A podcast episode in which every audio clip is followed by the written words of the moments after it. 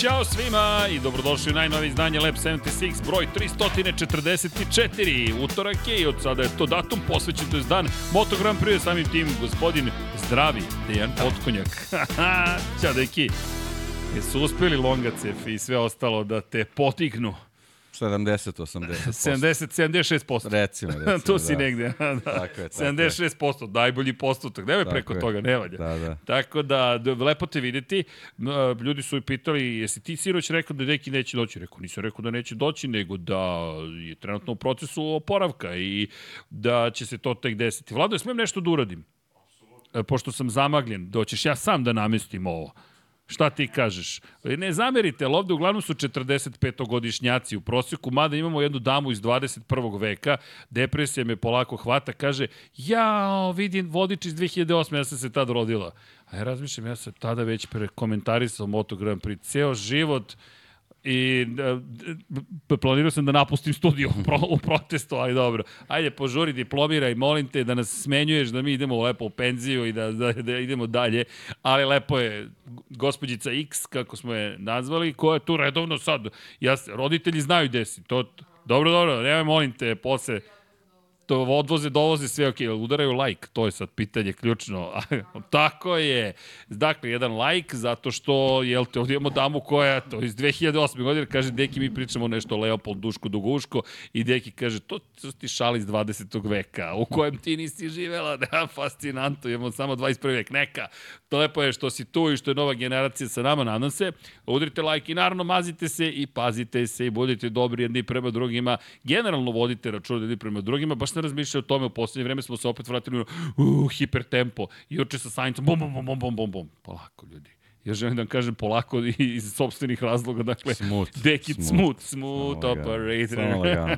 lagani. Jedan lagani Carlos da. Sainz da padne. Sad će ti rekordi staze, čemu to sluša? Čekaj, A da. čekaj, je li bio profesorski? Pa jeste, jeste, apsolutno. Ne, ne. Da li je to Formula 1, to To, je a sad neka druga sad, priča. dobro, vidi, imaš te situacije kad moraš malo da usporiš. Sve što je trebalo da uradi da, da dođe do cilja. Uspori da bi pobedio. Tako Ne, je. me, meni je odvezao sjaj, fenomenalnu trku. Ne zamerite što malo još u Formuli 1, ali znate da mi volimo nešto lepo da istaknemo što se desilo. Lepo je što se desila prava trka Formule 1. Da, nije klasičan sprint, ali hej, to je trka. Kad ti nisi najbrži, kako da se snađeš da budeš pobednik ipak u celoj situaciji. Biće, da- nadam se, prilike da pričamo možda i o nekim drugim vremenima, ni tad nisu bili sprint trke. Tako je, tako je. To sam te da ti kažem. Da, Da, Podseća da. ovo na neke Jeste, situacije. jeste. Mene je podsjetilo u velikoj meri, vidi, vidi, i na, ne samo na noviju istoriju, seti se Sene protiv, Ayrton Sena protiv Nigela Mansella u Monaku 92. Kad mu se ukazala prilika da bude ispred Ja Williamsa. sam mislio još i ranije. Imaš još Emerson ranije. Fittipaldi nije vozio sprint trke. Da, vozio je vrlo proračunate trke. Ali dobro, neću sad da otvaram ponovo priču o Helmutu Marku, Neću, koji neću. misli da ne mogu da se skoncentrišu dovoljno ovi južnoamerikanci, ali nema veze. Kako god, mi u to ne verujemo. Dakle, to su za nas, za nas gluposti i besmislice. Ali šta sam hteo da kažem, ljudi, pre nego što krenemo putem Indije, u nepoznato, kako je to Deki rekao, najvažnije da nam je deki bolje. To je prva stvar, nam se ste vi dobri, hoću da kažem, mi smo toliko trenutno u ofanzivi sa svih strana. Novi prostor, stari prostor, knjige, ne knjige, sajmovi, gošće, novi gosti, nove emisije, novi ljudi, pa ne znam šta se sve dešava. Mišljam, mi stalno pričamo o mentalnom zdravlju, meni potrebno mentalno zdravlje, deki, deki ti ćeš sutra malo nam se opustiš. Pa da, neku, neku terapiju menjam nekom boljom. Ne smem da, Da. otkrivam previše, Da, svestan da, si da. da ću otkriti u petak. Pa dobro, sve gde okej, si i da ću sve reći šta naravno, radiš slobodno. kad dođe 99 yardi. Slobodno, Da, slobodno. da naučili su i pa i deki da mi ne govore šta Popunit ne žele da se čuje. Popuni sve tabele, molim te. Jimmy, na, Jimmy zvari. Jimmy tabela. Znamo sad ga znamo Jimmy tabela. Ko ne zna, Ivan Nedeljković, pratite 99 yardi je preuzeo komandu nad organizacijom 99 yardi. Svaki dan dobijem kind reminder. Popunite tabelu prognoza, popunite heroj, joker i ozbiljno i, i tragičar. Popunite ovo, popunite dobro, oni šta radimo, samo u Excelu smo po ceo dan, u Google sprečicu, ali pozdrav za Ivana Nedeljkovića, za cijelu Kompanija, ekipu i kompanija. kompanija, koji si ga video, korporativno, to su ima da se... Korporativno, strogo. E, ali treba nam malo, moram ti reći, baš to mentalno zdravlje, znaš, Ivane, preuzbi. Ali ljudi, vodite zaista računa o sebi pre svega, i naravno vodite računa o drugima, a ja sam se setio nečega, da- danas dolazim i nešto mi pade na pamet Romeo i Julija, ali ne roman Vilijama Šekspira, drama, ne zapravo možda balet, nego mi je pala na pamet pesma Dire Straits. I ne znam odakle mi Mark Knopfler pade na pamet, rekao, ajde da pustim sebi Dire Straits i onda krene Tunnel of Love i sve ostale stvari. Razmišljam, ok, nemam pojme zašto sam opustio, ali hoću da kažem, ko nije slušao Dire Straits, evo, topla preporuka, možda će biti mlako, dosadno, kako god, ali, hej, poslušajte neku novu muziku, možda vam se i, i, i dopadne. Tako da, eto, dve pesme, Romeo i Julija i Tunel ljubavi, Tunnel of Love. Girl, it looks so pretty to me. Ta-na-na-na, like she always did. Ili obrnuto. Kako god, uh, mi smo Samo da, lepo nam- samo da raspoloženi. ne lupe claim, znaš, da ne prepoznaju pesmu. Ma ovo će, ne, ne me čuj, sam- čuj to- claim. to me samo plaši. Jeste, Ja. strajk će da opale. Ne, vidi. reći će, vidi, sam ista je, moramo da ja je sam se strajkujemo. sad opustio, mogu ti reći. Dobro. Ali moram gitaru sada da držim, pogotovo u onom prostoru. Mislim, Vlado, da nas čeka jedan jedan umetnički život u sedmoro. Čeka vas pakao. Ne koka. slutiš vlado šta nas čeka. ne slutiš, vidi. Ali moram ti reći, znaš ko je tamo non stop. Uopšte ti neću reći, da, tako da znaš, ali vidim da mu glava radi. Tup, tup, tup, tup, tup, tup, tup, samo se, opa, zasmeju sam ga, ne sam da zasmejavam od rekovalescente. Ok, ljudi, vreme je da krenemo mi putem nepoznatog. Ovde vam je sve poznato, dakle, stara ekipa, studio na kraju univerzuma, Deki ja, Moto Grand Prix, pozdrav svima koji vole, ba bilo šta da volite, samo volite, to je najvažnije, ali posebno za one koji vole Moto Grand Prix, s obzirom na činjenicu da nam dolazi velika nagrada Indije prvi put u istoriji. Valjda. Valjda. ok, Deki, Deki je u meso krenuo, idemo u Big Mac, idemo u burgere, odmah, pusti sad ovo sa strane, ali da, valjda. Samo kratak uvod za one koji su zaboravili, bitka za titulu šampiona sveta u sve tri kategorije je zvanično otvorena. Francesco Peko Banjaja, prošlogodišnji šampion Moto Grand Prix klase vodi, ali Jorge Martin posle dvostruke pobjede u Mizanu se približio posle povreda koje je zadobio u Barceloni Peko Banjaja, dva treće mesta, ali opet otvara se neka zanimljiva bitka. S druge strane, Pedro Acosta deluje da polako preuzima kontrolu nad Moto2 kategorijom. S treće strane, u Moto3 klasi sve potpuno otvoreno, osam trka do kraja, sedam van Evrope, poslednje će biti u Evropi 26. novembra, kada je i finale Formula 1, ok, ali da znate da se sve to dešava na kraju novembra, umeđu vremena, eto, sedam trka, valjda, da citiram Dekija, mm. između ostalo, ali vi ćete vidjeti stazu Bud International Circuit, zašto? Zato što kontroler je spreman, Moto Grand Prix 23 instaliran i nisam vozio Bud stazu, ali ćemo je samo proći da bismo pokušali da shvatimo šta nas to čeka, jer smo je već zaboravili, makar je ona i bila u Formuli 1 pre 10 godina. U svakom slučaju, da, imamo šampiona sveta Moto E klase, Nikola Spinelli, čisto da ne zaboravimo čovek da je osvojio titulu, ne, Matija Kasadej, šta ja pričam Nikola Spinelli. Matija Kasadej, oprostite, ukrstilo mi se u glavi, kažem, potreban mi je odmor ali jednog dana. Doći će i taj moment. I need a vacation. Elem, dakle, idemo mi, deki, put Indije i idemo na stazu koju smo mi imali priliku da, da posetimo nekada davno kada je reč o Formuli 1, još u eri Bernie Ecclestona, ova staza je planski sagrađena da bi se održala velika nagrada Indije. Podsjetio bih samo, u to vreme smo imali indijski tim, Force Indiju, Vijay Malija, tada nije bio paraja popularni, nije bio lice spoternice, već je bio veliki magnat iz Indije koji otvara Fly Asia, ko- aviokompanija low cost, Kingfisher, pivo, investicije na sve strane, jedan u milijardu program za trkače i između ostalog Force India kao ponos. Zapravo Indije kao ekipa Formula 1, prva jedina u istoriji i iz te perspektive smo došli do toga da zapravo se i organizuju trke, to jest organizuje jedna velika trka, velika nagrada, dobili smo stazu Bud International Circuit, posetili je ukupno dva put i rekli smo ćao svima i više se tamo pojavili nismo. Sad, Moto Grand Prix stiže, ima još jedna, ajde, bitna stvar koju ćemo dodati pored ovoga, ovo je ipak najveća vest, ali da ne zaboravimo, Franco Morbidelli je potpisao za pramak. Otud i ova roze majica, čisto da ne zaboravimo. Dakle, a za one koji ne znaju, oktober stiže, tako da, devojke, kontrola, dakle, preventiva pre svega, stiže mesec posvećen borbi protiv raka dojke, tako da ćemo u rozem biti od 1. oktobra pa nadalje, a posle ponovo puštamo brkove. U svakom slučaju, deki, a odakle da krenemo? Čekat ćemo od Morbidelija možda ili ćemo od staze Budu, sve je nepoznato. Dakle, Franki, Franke i hvala Andreji za nama, namaste. Dakle, MotoGP kaže namaste, a Frenki kaže to je Dekijev naslov, pramak. Da li ne on to rekao? Davno je on to rekao. Samo niko nije verovao.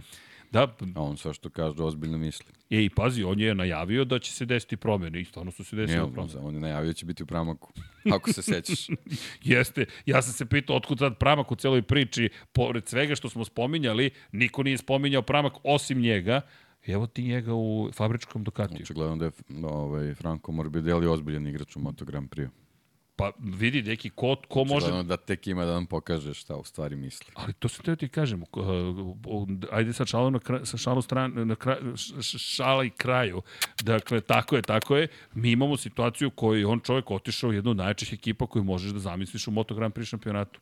Jednostavno, Ko je posle... smooth operator Moto Ko je Grand smooth Prix? operator? Frankie goes to Hollywood, Frankie says relax.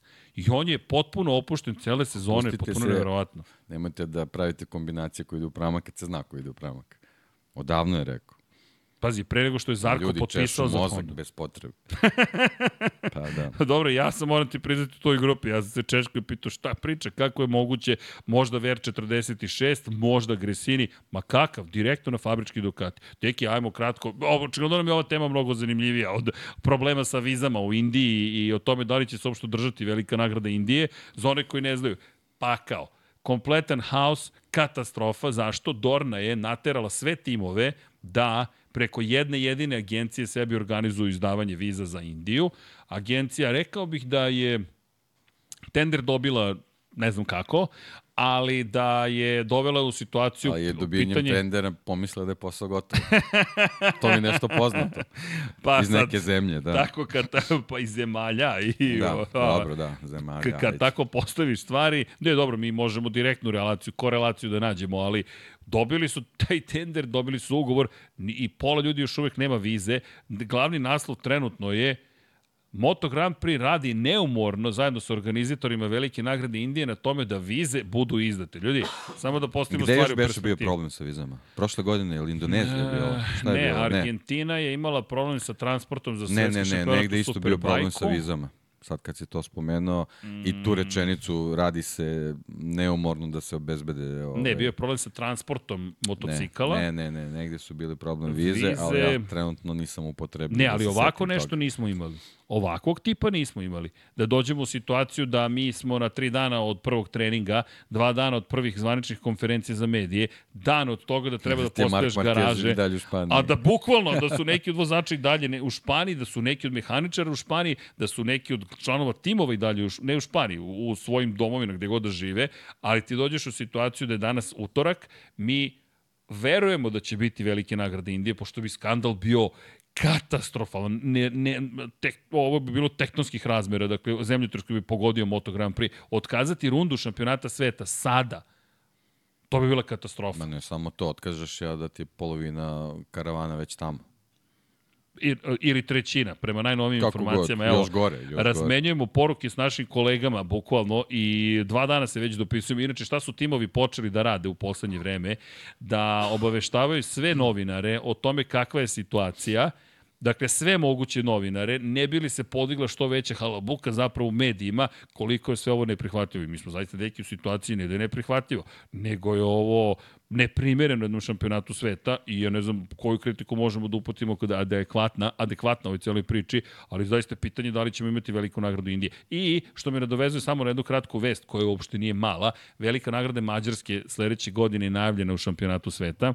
E sad, na Mađarska, ovde imamo jedan ogroman osmeh na licu, to znači zašto za sve sa ovih prostora Mađarska, uhu, blizu, idemo, dakle, pored Hungaru ringa, idemo, ne znam, vidjet ćemo gde idemo, mnogo je puta Mađarska najavljivana, ali deki ja smo, ti si imala tri godine kada je prvi put najavljena velika nagrada Mađarske i, i staza Balaton Ring, jel te? I kada je rečeno sledeće godine stiže velika nagrada Mađarske.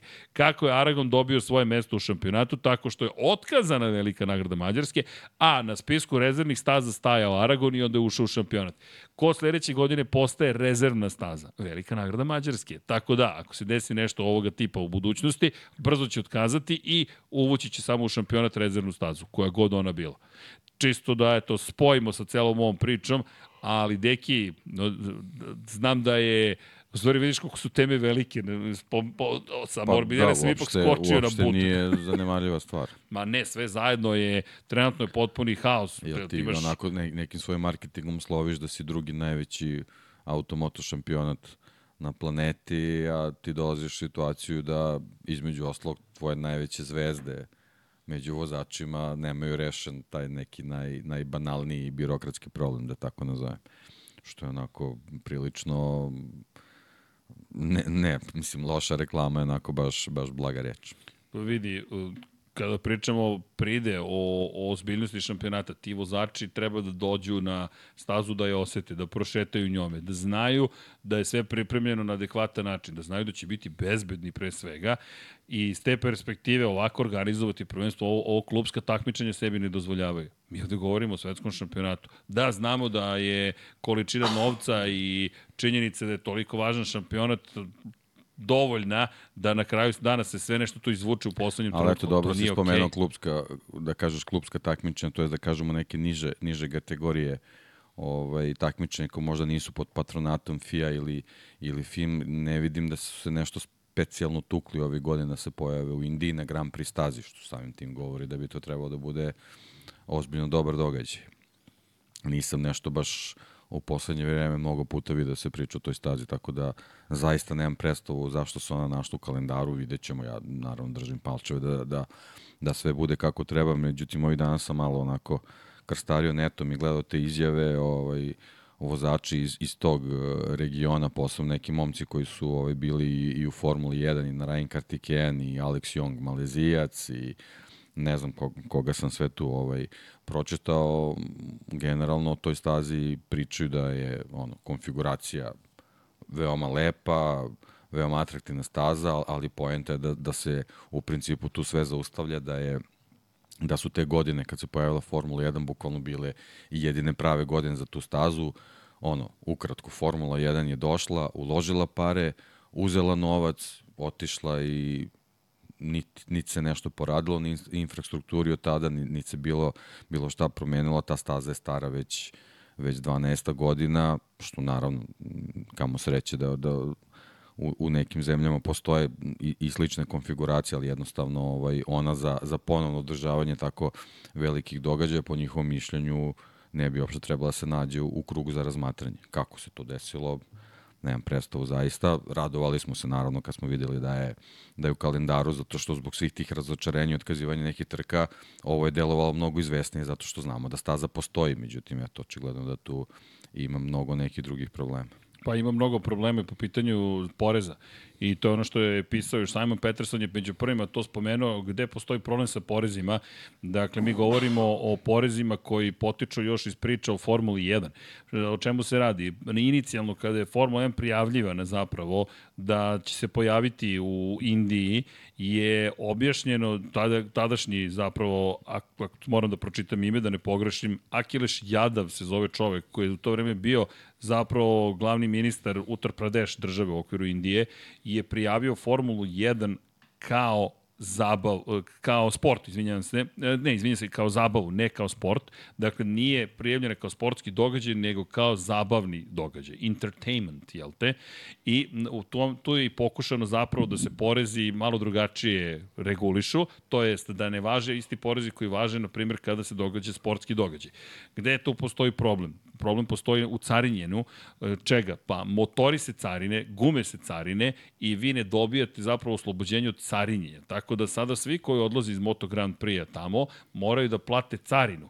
I sad, to treba takođe rešiti i poreze pride. Inače, Liberty Media kada je kupovala Formulu 1 je nasledila taj potencijalni dug. Na kraju je čet, preko 14 miliona dolara morala da odvoji za plaćanje zapravo tog duga kako bi imala čiste račune. I Ma meni je nešto poznato se to već dešavalo.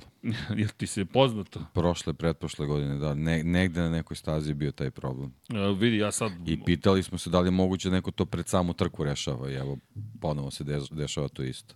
Čekaj, sad ne, ne, ne vredi. Ne, ne vredi, vredi. morat ću da se setim. Ne, ne, ne, ja samo za Indiju znam da smo imali da. baš taj problem, ali ono što takođe imamo je priča o porezima koja se spominjala još u februaru ove godine i mi smo tada još pričali o tome da je, da je nepoznato kako će se to rešiti.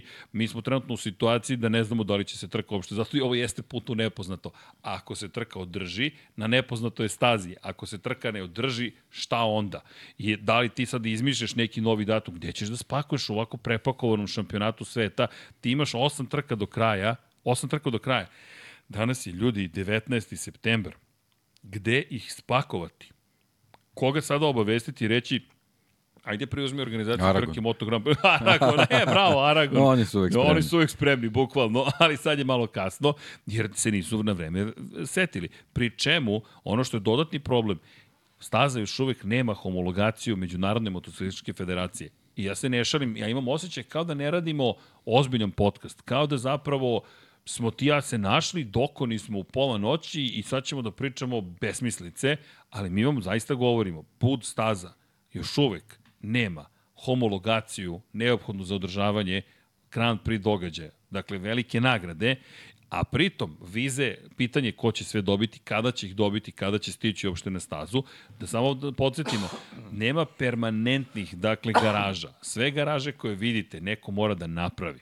Što znači, kada stigne sav materijal neophodan za izgradnju garaža, nadajmo se da će biti na stazi, A kada, inače, priča se da trenutno nije regulisano čak ni pitanje zmija koje se nalaze oko staze, ne šalim se kada ovo pričam, e inače, zmije se sad pojavljuju ponovo nekako u priči, pošto smo imali, jel te, mnogo varana i guštera raznoraznih u Singapuru, pa smo se setili čuvene velike nagrade Malezije, gde je Kobra pregažena, sad nije mi drago što je Kobra stradala, ali Kobra je bila na stazi i sećam se kad se podigla, prvi put je zakačen, ne sećam se ko, mislim da je čak bio Luka Bosko Skuro, kada je podigla se kraljevska kobra, ne želite da vas ujede kraljevska kobra i Luka Bosko Skuro je prešao preko nje. To su sve delići sekunde, ali dovoljno je jednom da nekoga zakači kraljevska kobra i da mi imamo ne dramatičnu situaciju. Ljudi, mi imamo po život opasnu situaciju, po karijeru svakako, a govorimo o tome da to zaista nije šala. Imaš, ima vlada pitanje, da čujemo, vlada. Kraljevska. Vlada nam se postija, kaže, da li se kraljevska kobra pojavlja samo u kraljevskoj klasi? Ako je platila. Pošto je to ipak premijerni događaj. Ali dobro pitanje. Ali činjenica je da imamo i tu situaciju. I sad, dobit ćemo homologacije. Znate kako će se dobiti homologacija? Ono čuveno 5 do 12 od prvike, pri čemu? I sad se ne šalim, Mike Trimby je preminuo pre manje od dve nedelje. Glavni čovek Irte, koji zapravo je sve to regulisao, više nije sa nama. Pre svega nam je žao saučešće porodici, ali sada govorimo o profesionalnoj situaciji u kojoj nema Majka Trimbija, koja je sve to rešavao zapravo. Mi sad, da, imamo organizaciju koja je sposobna, Irta nije nesposobna, ali opet glava te organizacije je Nažalost, više nije među živima. I ti sad imaš i sve to, povrh svega, imaš ovu agenciju koja je tako spektakularno organizovala izdavanje viza, pa sad se umešala tamo vlada, pa su se svi umešali, uključili da su, jer ti sad imaš Indiju, umesto da promoviše državu, evo, Indija, Moto Grand Prix, sve je sjajno, nema homologacije, nema viza, imamo zmije i nemamo pojma da li će biti trke. Super ste ne znamo ni asfalt kakav je. Ne znamo. Pa vidi, ja garantuju da je prljav, da će biti poput Nešto Dakara. Nešto je prljav, pazi, to je staza koja je asfaltirana pre 12 godina. Nije baš nešto spektakularno puno trka voženo tamo, osim tih nekih lokalnih. Pa pazi, otkazane su i trke Formule 4 indijske i regionalne formule koje je trebalo tamo da se održava. Inače, 400 miliona dolara je koštao taj ceo kompletan da. sportski kompleks. Ako se pitate koliko je Indija uložila, 400 miliona je uložila samo u to da se ta staza izgradi. A ona se ne upotrebljava zvrvi prazna, bukvalno zvrvi prazna i nažalost mi smo u situaciji da zapravo, evo, pričamo o tome da staza nemamo pojma da li će biti zapravo uopšte u kalendaru ili neće, a imamo tri dana do početka prvog treninga. I ponavljam, neko treba da sagradi te garaže, tu sam, se, tu sam odlutao na zmije, Sad, stiglo je nešto neozbiljno i sad ti treba da napriš garaže za Moto3, Moto2, Moto Grand Prix šampionate. Pri čemu? Treba da postaviš timing, uh, senzore za, za merenje vremena. Treba da postaviš sve kamere. Treba sve to da istestiraš, sve to treba da proveriš, treba se kompletan compound, kompletan zapravo deo koji je za televiziju da napraviš, namestiš, sve istestiraš i, I kažeš biće redu. I da se nadaš da bude lepo vreme. I da, I da se nadaš da, da neće doći monsun neki. A što nije nemoguće da će se desiti. Deki, deki, poštedet ćemo te uh. večeras. Poštedet ćemo te večeras. Vidim da si mi zaribao skroz. Pa šta Veselo. si radio? Ovo, ne. ne, ne, ne, ovo je neka druga stvar. Neka druga sada, provokacija, ali druga priča. Nisam ja bitan da ulazim u te detalje. Izvini, deki. Ali... Izvini, samo ko je na slušalicama, verujem da smeta, ali... Da, ali... Trudit ću se da smanjim. Dobro, neki, mi, ne, ne, mi nemamo rešenje za ovu priču, mi vas trenutno samo informišemo, na nivou smo vesti. Dakle, to su vesti koje se trenutno dešavaju zapravo u okviru Moto Grand Prix-a, a tek onda ćemo doći zapravo na ono što bi trebalo da se desi na stazi. Pri čemu i sama staza je nepoznanica. Ono što si lepo i tra rekao, čak i daj da napišemo da je nepoznanica. Inače, da. majeve meteorologa kažu da neće biti previše padavina. Trenutno su najave Dobro, meteorologa. super, eto, bar nešto. Ali 32 stepena gornja temperatura, donja temperatura 24 ili 23 stepena, uglavnom tu negde varira temperatura. Dobro, vlažnost vazduha bitna takođe. Da, vlažnost vazduha, sad ću ti reći koja je vlažnost vazduha. Nemam trenutnu informaciju, ali ćemo da proverimo da vidimo gde je vlaž... nema vlažnost vazduha. Jer no, čuveni norveški sajt, nema te informacije, saznaćemo brzo. U svakom slučaju, gledajte Dan, Dankaur u Uttar Pradesh državi, pa to mi je najbliži grad gde možemo da proverimo zapravo kakvo je stanje. Elem, da se vratimo mi na našu glavnu priču, a to jeste zapravo da smo i dalje pod znakom pitanja. I nemam nik, ništa da dodam u celu priču, možemo samo da dodamo gomilu pa vesti. Pa ne, pojento što sve po znaku Ljudi, pitanja i, i te vesti u principu ono, se bave najviše i, i, i tom situacijom i jednostavno nemamo, nemamo u ovom trenutku nikoga ko je koncentrisan na same trke. Možda i rano kao utorak i otko znam, možda smo i mi nešto požurili. Požurili, da. Možda će sutra biti sve okej. Okay. Da, inače, da. zaista se ne šalimo kada vam govorimo da su mnogima pomereni letovi. Dakle, Mark Marquez ne govorimo to da se šalimo da je Mark Marquez u Španiji. Mark Marquez bukvalno je čovek koji ne može trenutno da uđe u svoj let za Indiju jer nema vizu. Jer ko, ne znam, ko nije eventualno putov avionom, dakle, ukoliko putujete u inostranstvo, dođete i kažete, inače čisto da znate, ne šalim se, postoji let Beograd-Niš, tako da postoji i domaći saobraćaj, da, da, Ali ako idete van, u našem slučaju Srbije, neke druge države gde god da živite, kada dođete na aerodrom, pitaju vas za putne isprave, da li lična karta ili pasoš i u slučaju Indije, pasoš predate, oni pogledaju da li imate vizu, pogledaju građanin koje ste države, imaju spisak, bukvalno, aha, Srbija ili koja god druga država, viza potrebna, nije potrebna. Ako je potrebna, neće vam dozvoliti da uđete u avion. Dakle, nećete moći boarding da obavite. Ako nemate vizu. Tako je, ako nemate vizu. Mark, Mark, dakle, nećete sleteti u Indiju bez vize, pa će vam tamo reći ne možeš da uđeš u Indiju. Ne, ne, neće vas pustiti da uđete uopšte u zonu za ukrcavanje. Tako da je Mark Marquez vraćen sa aerodroma, to je nije ni vraćen, nije ni otišao jer ne, nije postojala mogućnost uopšte da se ukrca na avion. Jednostavno, to su sada državni zakoni pravila koje su van Moto Grand Prix, van Marka Markeza i iz toga osmostruki šampion sveta trenutno nije u Indiji. Sad, možda se nešto promenilo u kontekstu njegove vize, ali ovo je izveštaj koje je Real Puigdemont dao u 4 časa 11 minuta danas. Dakle, pre 4 i po sata. Mi govorimo o Marku Markezu, koji treba pritom da obavi let od, ne znam, jedno, jedno 8, 9, možda 9, da tako, pa, 8 dobro, sati, da, prilike da. 7 sati, letiš ka istoku i onda treba da budeš spreman, dakle, ako ka pretpostavimo da letova za Indiju sada sa madridskog Dobro, Dobro, pazi, u ovom nema... slučaju će se možda već izdešavati neki privatni let, nešto, mislim. Pa dobro, ali u sredu da poleti, on je u četvrtak ujutro, u Indiji, zato što je Indija, mislim da, da je 6 sati ispred vreme ili 5, moram da proverim koliko je, da li, da li grešim. U svakom slučaju, on će, ako poleti, ako sleti, u sutra uveče, u, če, u sredu uveče će zapravo sleteti u, u Indiju. I onda tek kreće cela igranka.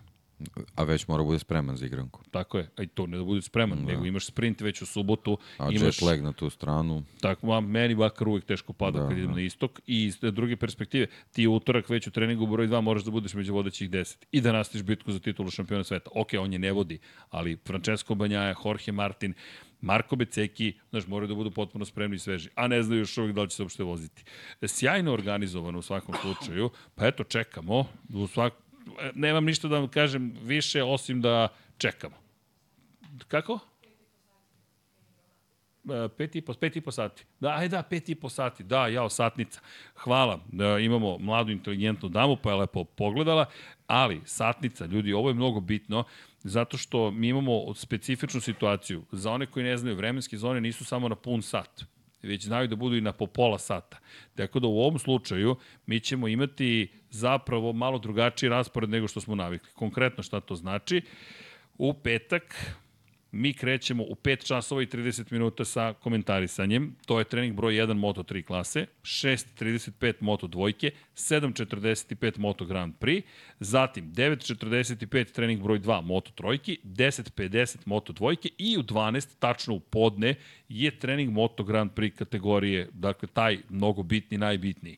Zatim, u subotu u 5.40 počinje trening broj 3, za Moto trojke, 6.25 za Moto dvojke, 7.10 je trening jutarnji, trening slobodni broj 2 za Moto Grand Prix, u 7.50 počinju kvalifikacije Moto Grand Prix-a, zatim u 9.50 kvalifikacije Moto trojki, 10.45 kvalifikacije Moto 2 klase i sprint od 12 krugova je u 12.00, dakle tačno u podne. Kada je reč o nedelji, 7.40 jutarnji trening, 9.00 prva trka, 17 krugova Moto trojke, 10.15 19 krugova trka Moto 2 klase i u 12.00 24 kruga trka Moto Grand Prix-a. U, dakle, 5 časova i 30 minuta po lokalnom vremenu će početi trka. Čekaj, 5 časova i 30 minuta na severnoj polulop. Ne, nije. Aha, čekaj, čekaj. U kom delu ste da ovo sve nalazi? Sad ćemo mi to da vidimo. Dajte mi sekund da vidim gde nam je Uttar Pradesh u celoj ovoj priči. Čekaj, čekaj. Dakle, severna polulopta, ali u kom delu severne polulopte, pošto Indija je, jel te, iznad ekvatora. Uttar Pradesh, to je gore kod Nepala, je tako? Trebalo bi da bude. Jeste, Uttar Pradesh da se graniči s Nepalom, dakle, deki, koja je to paralela? To ćemo da vidimo. Kad zalazi sunce, sunset, jel te, izvinite, ali evo uživo pred vama, Dan Kaur, da vidimo. Dan Kaur, šta kažu, kad zalazi sunce? U 18 časova 19 minuta. Ne, ne, ne. Ne, ovo je GMT plus 5.30. Dakle, to znači da vidimo Dan Kaur vreme sada. Koji grad si rekao da je najbliži? Samo sekund da vidimo. Sad je ponoć i 19 časova. Dakle, uh, tri, a, da sad je koliko, 8.49, dakle 3 Ponoći sata, 3,5 sata. 3,5 sata su ispred nas, pošto ovo je GMT plus 5.30. Ne, ne, to je 5, plus 5.30 je GMT. Pa da onda dva sata oduzmeš i tu smo, pošto smo svi na letnjem računanju vremena. Ne zamerite. Dakle, nismo sve proverili, hvala na asistenciji. Dakle, 3,5 sata ispred su po pitanju vremena. To nije strašno. Dakle, u 3.30 po lokalnom vremenu kreće trka. Već sam se zbunio kako može da krenu 5.30 kad znam da će zaći sunce. U 6.19 zalazi sunce, tako da smo bezbedni. Dobro, ne zamerite se malo zabavno. Ali evo, videli ste kako se pripremamo za to kad će zaći sunce. E, dosta jednostavno. I kada se završi velika nagrada Indije, sad dodatak je, ali ima u celoj ovoj priči, gde mi idemo već naredne nedelje. Mi već naredne nedelje smo na putu za Japan. Tako da, ne, nismo Japan, Indonezija, izvinjam se, je li tako? Ti si već u formuli. Ja sam već u formuli, dakle, tako je.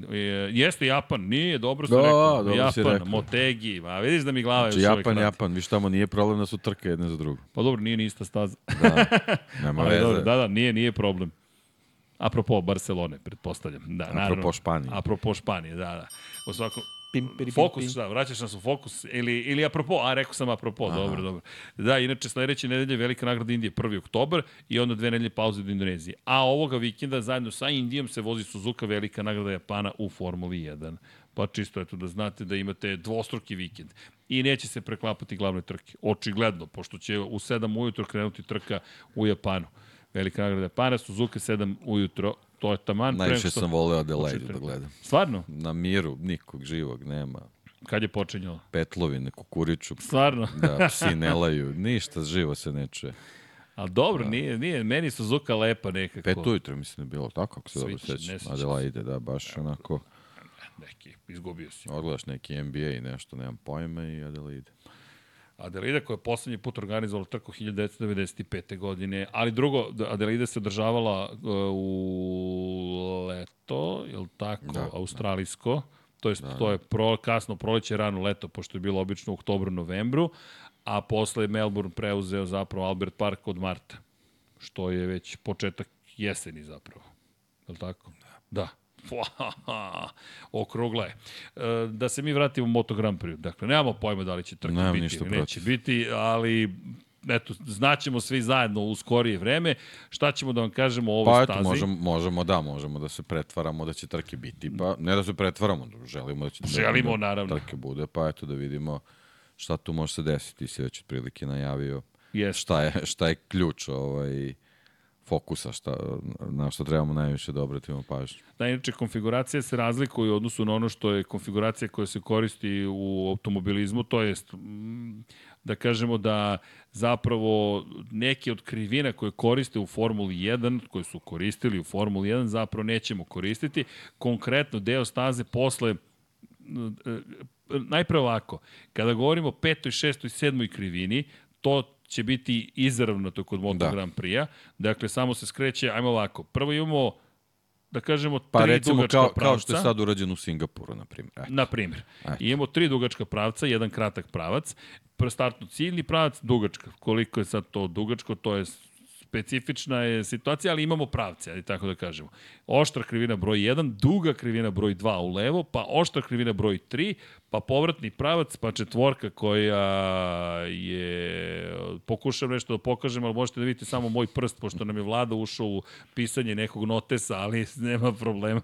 Dakle, u svakom slučaju, imamo startno ciljni pravac da pokušam ponovo. Oštra krivina broj 1, zatim duga krivina broj 2, pa oštra krivina 180 stepeni broj 3, povratni pravac, pa onda oštra krivina broj 4, pa onda krivina broj 5 koja ima dva temena krivine i tu bi Formula 1 nastavila ovako, pa se vratila, pa skrenula. E, sad idemo pravo, pa desno, pa levo, tetki da daš lek. Deki nam je baš hrabro danas došao. Pa od 7, 8, 9, 10 je polukrug koji je kraći inače nego što je kod Formula 1. Formula 1 je tu vozila duži krug zapravo, pa je sad pa, malo kraće. Pa... Moto Grand Prix je dobio duži krug. To je dobio dugi krug. Tu će biti dugi krug. A, kak, a, tu će biti dugi krug. A, da, da, da, da ok. Zbunjujem. Smanjen je radijus krivine za Moto Grand Tako Prix, je, tako je, ali je onaj spoljni radijus automobilski jest. krug je ostao verovatno, pretpostavljam, dugi Ne krug. znam.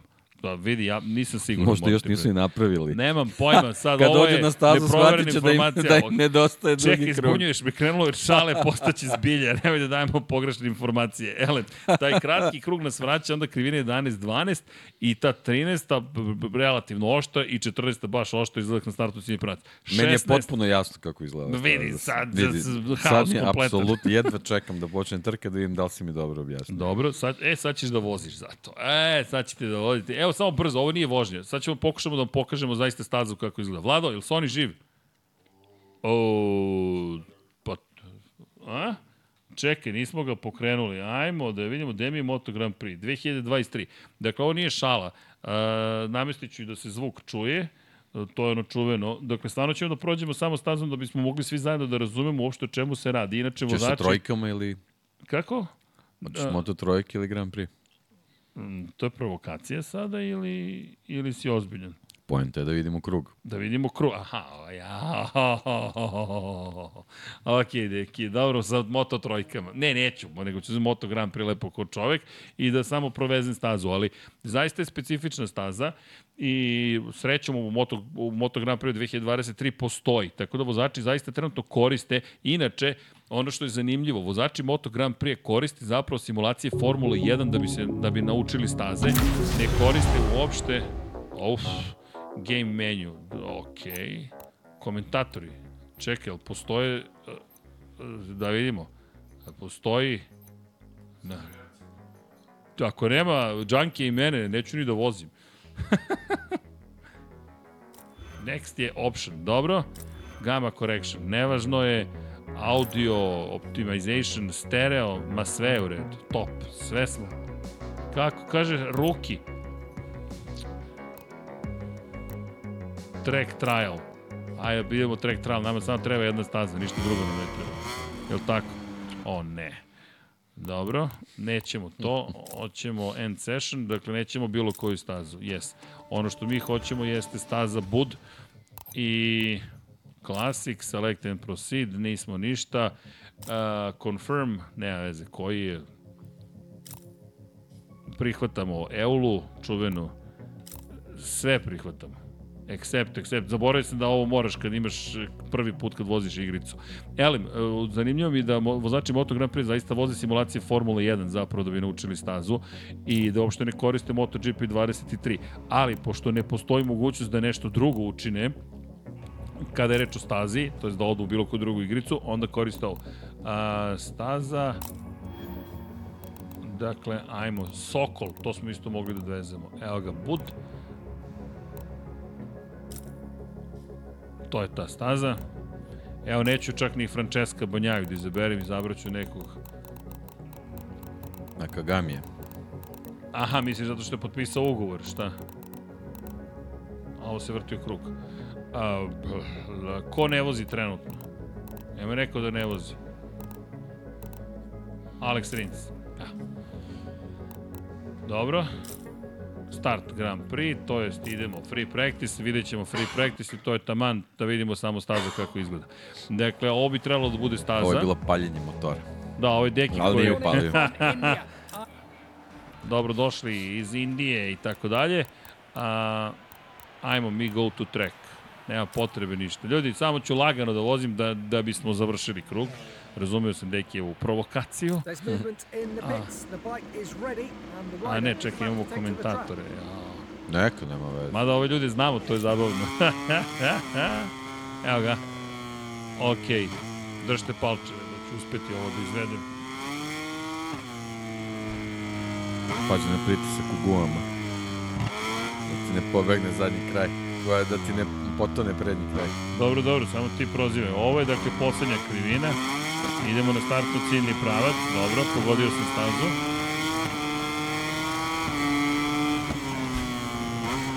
Usporit ću čisto da bismo mogli da prođemo kroz krivinu. Dobro, ovo je ta prva krivina u levo onda da uvek...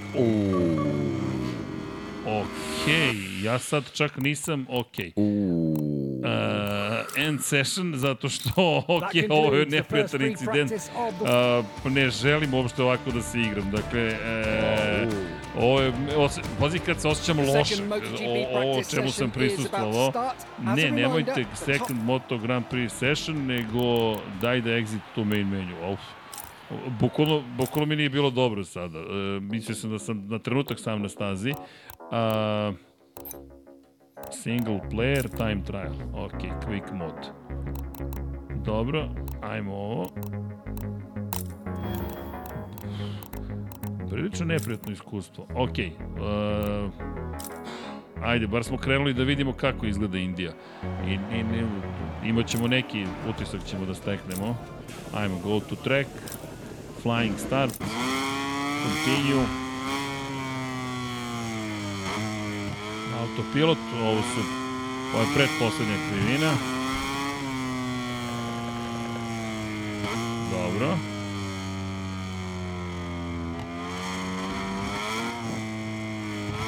Čekaj, čekaj. Aj, naciljaj ga, sine srđane. Ajmo. Dobro. Ima tu pravca. Treba ovde da se koči. Dobro, spora, pa onda brza ovo u levo. Nije pun gaz da bi samo mogo da prođem kroz sve. E, ovo je sada vrlo ozbiljna krivina. Brate, pažnju. Dobro. I sad beskoračni pravac. Ovde će Ducati da peva onoliko. Jadne Yamahe. A dobro, Franki, Franki, Franki, ovo je koliki pravac, deki. Ovo dok stigneš do kraja, ovo će da bude zanimljivo. Dobro. Ajmo sad oštara krivine. Kratak pravac, ali pogled koliki je pravac.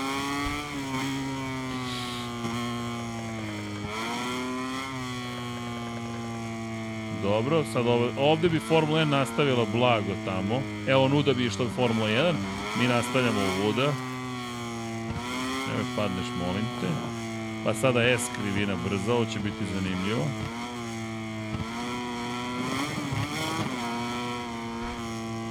I sad ovo je ovde krug. Tamo napred je išla Formula 1, ovo da ide Moto Grand Prix. Da, ovo je predugačko za dugi krug, da. Dobro, malo sam sišao na prašinu. Dobro, deki, moralo je da se desi. Budi realan. Dobro. Ajmo, deco, što vozite, javite se, pošaljite snimak svoje vožnje. I sad to je to, sad ovde je autopilot malo pre preuzeo.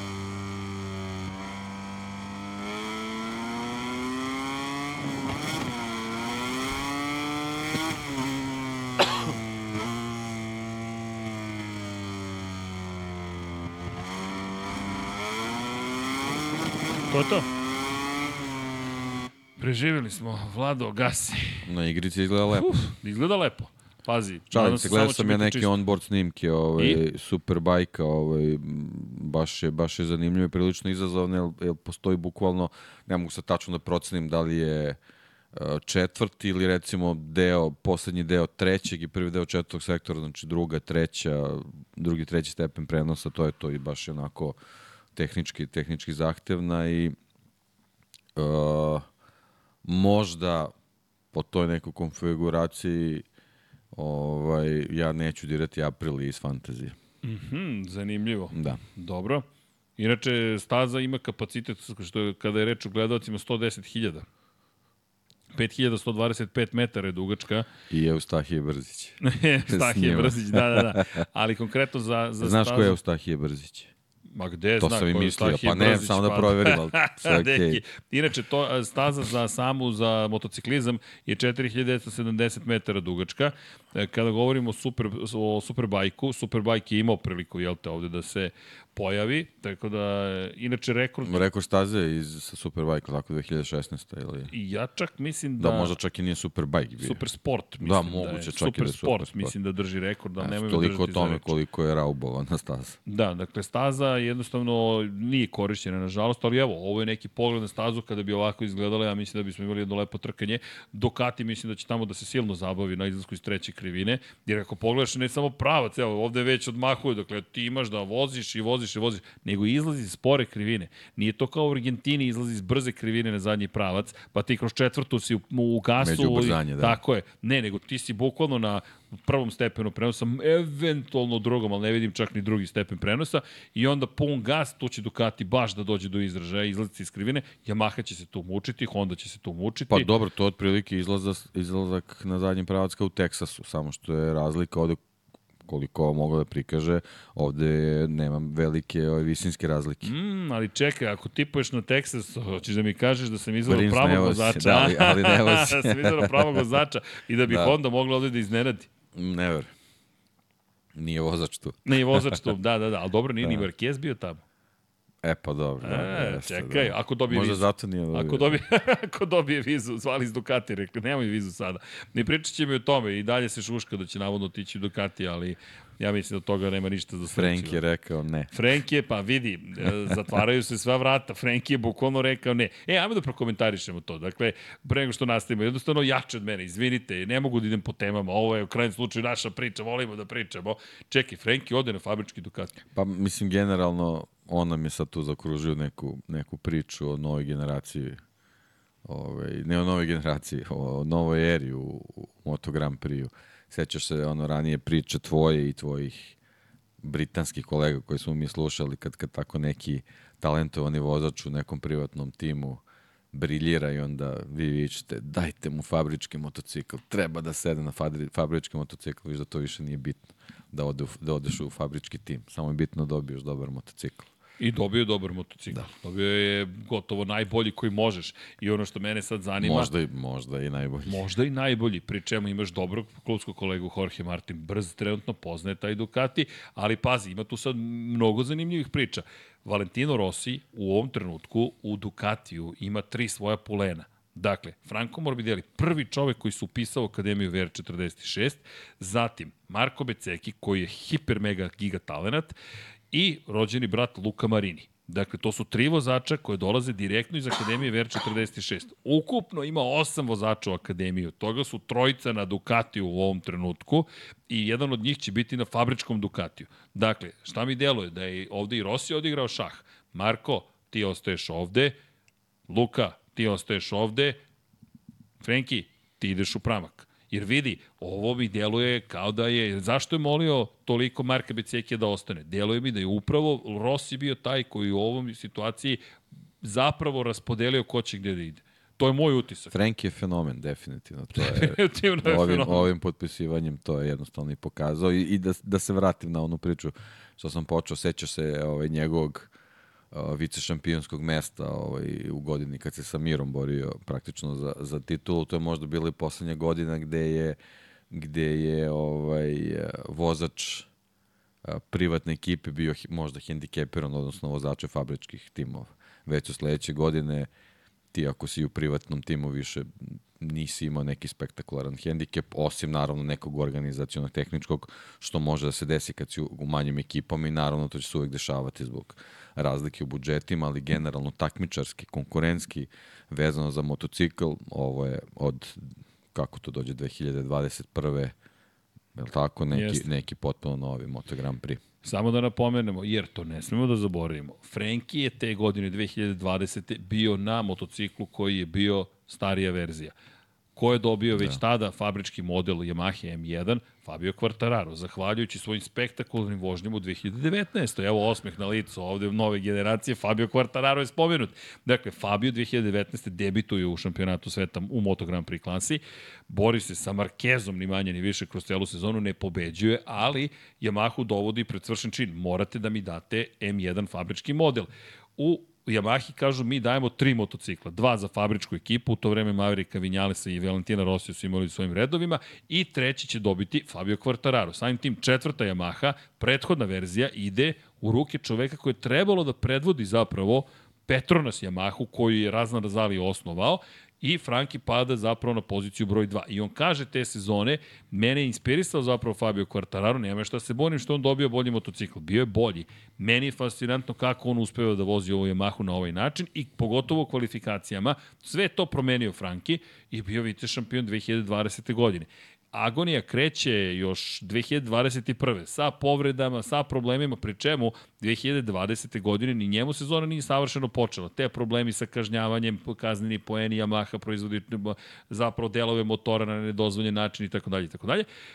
Fabio koji se bori za titulu pada, ima probleme u Aragonu, uvijek taj Aragon za Fabio Kvartarara i dolazimo do toga da na kraju sezone Franki Morbide, Franco Morbidelli najbolji vozač posle šampiona, posle Joana Mira.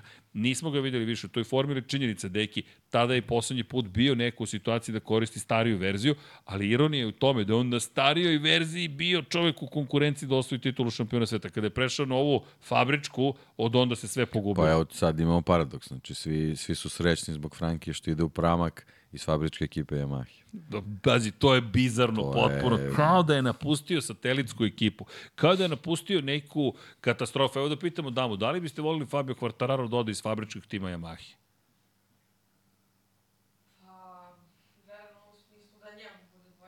Da njemu bude bolje, da. Dakle, to zvuči super, ali ako to neće biti, jel te, rešenje, ovo je agonija trenutno. Dakle, bukvalno neki paradoksi, ne nas paradoksi, nego tragedija Yamaha. Ali zato je ovaj, Martin Vugrinec na Yamahi bio osmi e, na da, Boldoru. Da, da, da, Boldoru. Boldor, to je bilo fenomenalno. Svaka čast Martinu. Setio, hvala ti. Da, da Martin, smo pratili smo svašta se tamo dešavalo. Da. Kawasaki odustaju pred kraj sa pete pozicije, incidenti, ulje. Uh, baš je bilo uzbudljivo i čestitki Martinu Vugrinecu fenomenalno je bilo. Znaš šta, deki? Trebalo je, to je moja greška, trebalo je večeras da ga zovemo, da nam ispriča kako je bilo, a aj to da ispravimo za sledeću emisiju. Da, da ga zovemo za sledeći utorak i da kažemo Martin Sreda, ako može. E, sreda, dobro, zvaćemo Martina, a utorak ćemo E, smislit ćemo nešto Dobro. utorak. Dobro, sve sam shvatio. u sredu specijal s Martinom, kako je bilo na Boldoru, ili može tako da Kako god želiš. Nešto ćemo da smislimo, ve, da, za da, sreda, dobro. U svakom slučaju, eto, čuli ste neki noviteti, to nisu noviteti. Mislim, ali, realno može da, sreda, da, ako ne bude trke sad za vikend, utorak ili sreda. Onda je sve Biće jedno. Biće potpuno sve jedno. Ali da ne eto, bude, i to je nepoznato. Da ne bude da samo ja u podcastima saopštavam da. šta se dešava. Da.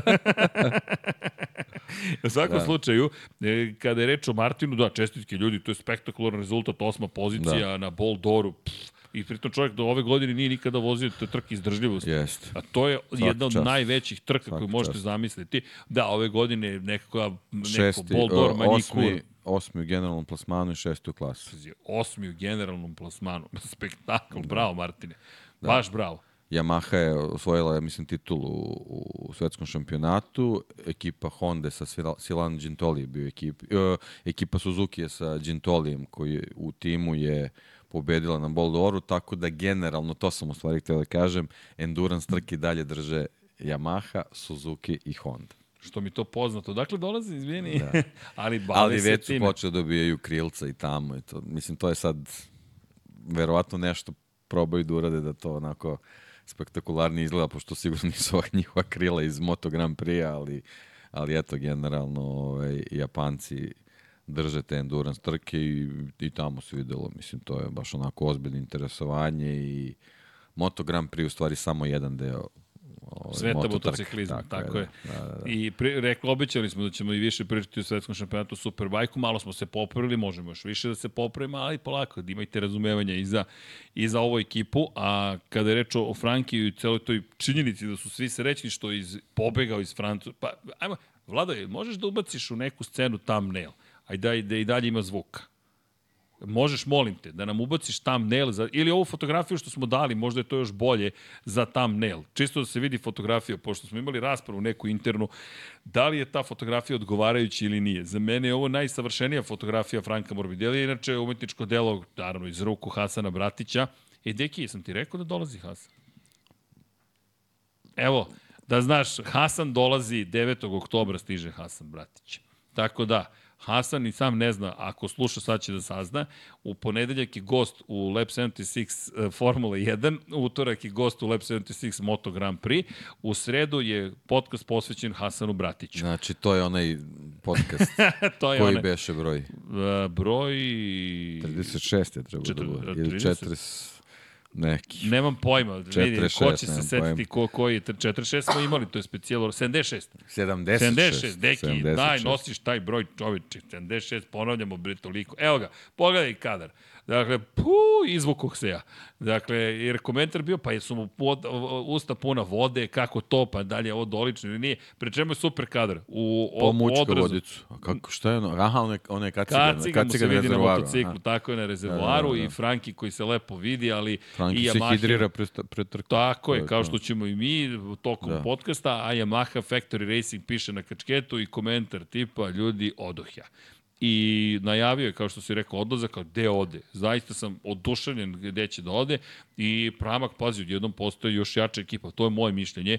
Ja zaista, ve, vidi, ako ovde ne uspe Franco Morbidelli, to je to. To znači da je on taj koji je izašao iz forme, ne samo izašao iz forme, nego da trenutno ne razume kako treba voziti savremen motocikl Moto Grand Prix. I to je to.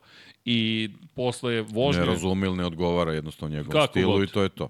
To je to, ali ti ne možeš posle fabričkog Ducatija u ovoj eri, u ovom periodu, da kažeš, e, znate motocikl, fabrika, podrška. Ne, to je tim koji se bori za titulu, to je tim koji je broj 1 u šampionatu timova, to je tim koji ima po sada višestrukog pobednika i to je ekipa u kojoj kada stigneš ti znaš da si praktično deo fabričke fabrike Ducatija.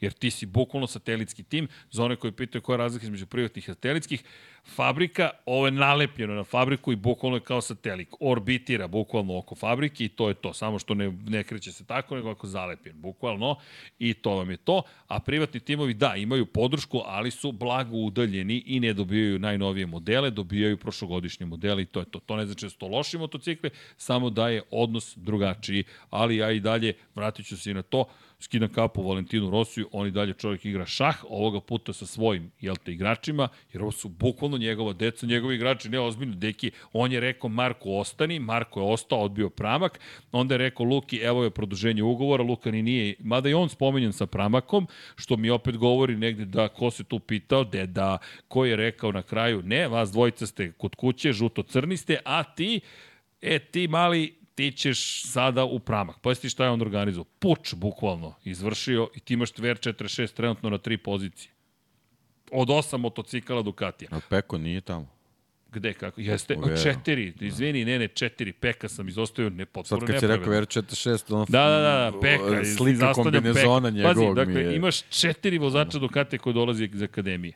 Imaš Jorgea Martina koji nije, Eneo Bastianinija koji nije, imaš Fabio Di Gianantonija i Aleksa Markeza. Još ako potpiše Mark Marquez, čekaj, četiri VR46, dva Markeza na, na Ducati ima. Ho, ho, ho, ho. Ducati kupi odjednom posto duel Rossi Marquez. Čak si ti zagonetno smeješ. Pa dobro, čista suva zabava. Dobro. Vidjet ćemo. Vidiš, Peka sam već sklonio iz akademije jer je svetski šampion. Što isto govori koliko je Peko napredo, ali i dalje deo akademije. Wow, četiri vozača od osam su tamo. A jedan, Celestino Vijetiti je potpisao za KT Majo u Moto2 Pa kategoriji. čisto da... Čisto da, da Bude i tamo, ako vam da. nije jasno da vam bude jasno, ko, ko nam još nedostaje u cijeloj priči? Nedostaje nam Nicolo Antonelli koji je trenutno u evropskom šampionatu Moto2 klase, nedostaje nam Andreja Minjo koji je putnik namernik i koga zaboravljam? Ajmo, publiko, pomoć prijatelja. Koga sam zaboravio iz akademije od, od osam vozača VR46? Ne mogu da se setim. A verovatno je toliko očigledno da ih je to to. Da je, da je to potpuno neverovatno. Rosije. Rossi. ja sam pogrešio, da, da, evo Boško kaže, ipak je Srki pogrešio. Jesam, jesam, pogrešio sam ja. Toni Arbolino nije akademac. Nije, nije, nije. E, da, čekaj, Akademija VR46, dakle, ko su vozači? Ne mogu da verujem da smo, koga smo izostavili, deki? Ko su nam vozači? Pa sad. Ne možeš da ih pronađeš, možeš kupiš odeću, ali ne možeš da nađeš. Da, pa da, dakle, e, možeš u kolekciju da odeš. Ajde, go to collections. Evo, kroz kolekciju ćemo da saznamo. Dakle, Banjaja, Morbidelli, Marini, Beceki, Celestino, Nikolo, aha, sedam ih je. Pa ko je dobio otkaz? Bilo ih je osam. Sad ih je sedam u akademiji. Okej. Pa dobro, svi su zbrinuti manje više. Znam da je otišao Luka, je otišao... Tako beš. E, ok, da se sad ne, ne, da ne zaribamo u ovoj temi, ali eto, od, se, od, četiri, od sedam četvorice na Ducatiju, jedan na KTM-aju, jedan u šampionatu Evrope i jedan tako, luta na sve strane. Ali dobro. Pa dobro, dobar prosjek. Dobro, po u krajnjem slučaju Minjo je jedini italijan koji je bio na pobedničkom postu dve godine u Moto3 klasi. Čisto da je u potpuni celu priču. Dobro, idemo dalje. Ali svaka čast Frankiju i jedva čekam da ga vidim u Pramaku, jedva čekam da ga vidim na Ducatiju. Mislim da će to zaista da začini i onako začinjen šampionat. I još ako se oporavi u potpunosti Nea Bastianini i bude spreman za sledeću godinu, dodaj mi Jela Oliviru na na sve to 2024. zaista obećava da će biti baš uzbudljiva, još ako Yamaha i Honda nešto učine, super, čekam i Marka Markeza, da ne zaboravimo, Mark Marquez je rekao Indija ili Japan. Ja mislim da će Japan biti mesto gde će saopštiti gde ide ili da li ostaje i to je već za 10 dana. Pa ako bude tamo, bit će ovo drugo. Ma da li? Rossi im je dao otkaz u sred Japana. A misliš da je to? Da će na taj fazon da ide? Pa vidi, ne, mislim, ne liči mi na Marka Markeza, ali Rossi je otišao u To Japan da bilo- Hondi kaže... Ne znam kako bih to onda okarakterisao ako to baš tamo uradi. Pa isto kao i sa Rosijem. To je ne poruka, to je onda neki čudan odnos. Ali nije, nije Nisu imali isto, takav odnos Nije do sada. to isto. Baš Nije nisu. to isto. Marquez je dobio sve od njih. Jeste, dobio je sve i niko nikada nije Oni su rekao, zbog Markeza žrtvovali stoner. Je, i ne samo to, nikada nisu rekli da se pobeđuje Možda zbog su i motocikla. Pedrosu žrtvovali zbog Pedros- njega. Pedrosu Ja mislim da je sigurno. Pedrosa ostao da razvija Hondu umesto KTM. Nisam siguran da bi Honda ovde bila. U ovoj dubiozi. Da. A pored toga, Ali ne verujem Nikad da bi nisu Pedrosa izjavili- razvio motocikl za Marquez. ali mislim da ih je to i naučilo iskustvo sa Rosijem. Nikad nisu izgavili za Markeza, to je zbog motocikla. Nego poštujemo vozača. A Rosiju su govorili da je to samo zbog motocikla. Ali i druga ekipa. I mislim da je Rossi baš naučio, odučio od te ideje da se ne poštuje vozač. Ili kada nađeš tog vozača. Ali da, bilo bi, to bi bila baš ozbiljna poruka. To znači da je nešto Deki se raspalo u odnosu između Marka Markeza i Honda ukoliko se desi u Japanu. Dobro, čekamo, okej. Okay. Čekamo. Ako dobije Hajmo vizu, prvo Indiju. ako dobije vizu, Da. čekaj da vidimo da li će stići uopšte do, Da. zapravo do Indije. Ajmo prvo Indiju, da, Ali dobro. preguramo. E, kada je reč o Indiji, Francesco Banjaja, bitan po period počinje za Francesca Banjaju, ovo je nepoznata staza, ok, Japan znamo da odgovara zapravo Ducatiju, ali prošle godine Japan baš i nije za Peka bio najbolji. Nekako je čudna bila cela ta trka u Motegiju. Očekivali smo da na stani kreni stazi zapravo dođe do izražaja opet snaga, to jest ne snaga, nego svi dobri zapravo aspekti Ducatija, ali od svih trka u drugom delu sezone prošle godine, jedina trka u kojoj nije stigao do cilja je bio Japan. I to je sa osme pozicije pokušao ono čuveno preticanje i samo mu se sklopio prednji kraj, nastavio pravo. Tako da Japan, ajde, specifičan će biti, međutim, kada reč o ostalim trkama, Banjaja, ukoliko je dovoljno poravljeno, ovde bi trebalo da dođe do izražaja. Indonezija je nepoznanica, pošto Indonezija bila vožena na početku sezone prošle godine i tada nisu bili u dobroj formi, 15. je prošao kroz cilj, ali generalno, Banjaja, ti si rekao putu nepoznato, izgubio je mnogo kada je reč o prednosti, prednost je sada 36 poena, mnogo manje nego što je bila pre samo dve trke, Jorge Martin je iskoristio Mizano u potpunosti, Barcelonu ne toliko, međutim, deki, ako Jorge može da izvrši bilo kakvu vrstu pritiska, ako je još uvek rovit i u Indiji tako nastupi Francesco Banjaja, mi bismo stvarno mogli da uđemo u završnicu koja je uzbudljivija nego što smo Pa očekivali. da, je, mislim, eto, taj, taj onako bitan začin je to što tu stazu stvarno niko i ne poznaje i generalno samo po, po tim delovima konfiguracije to možemo da, da nagađamo kome bi kome bi ona odgovarala, ali, ali da, definitivno, mislim, taj, taj zadnji pravac nekako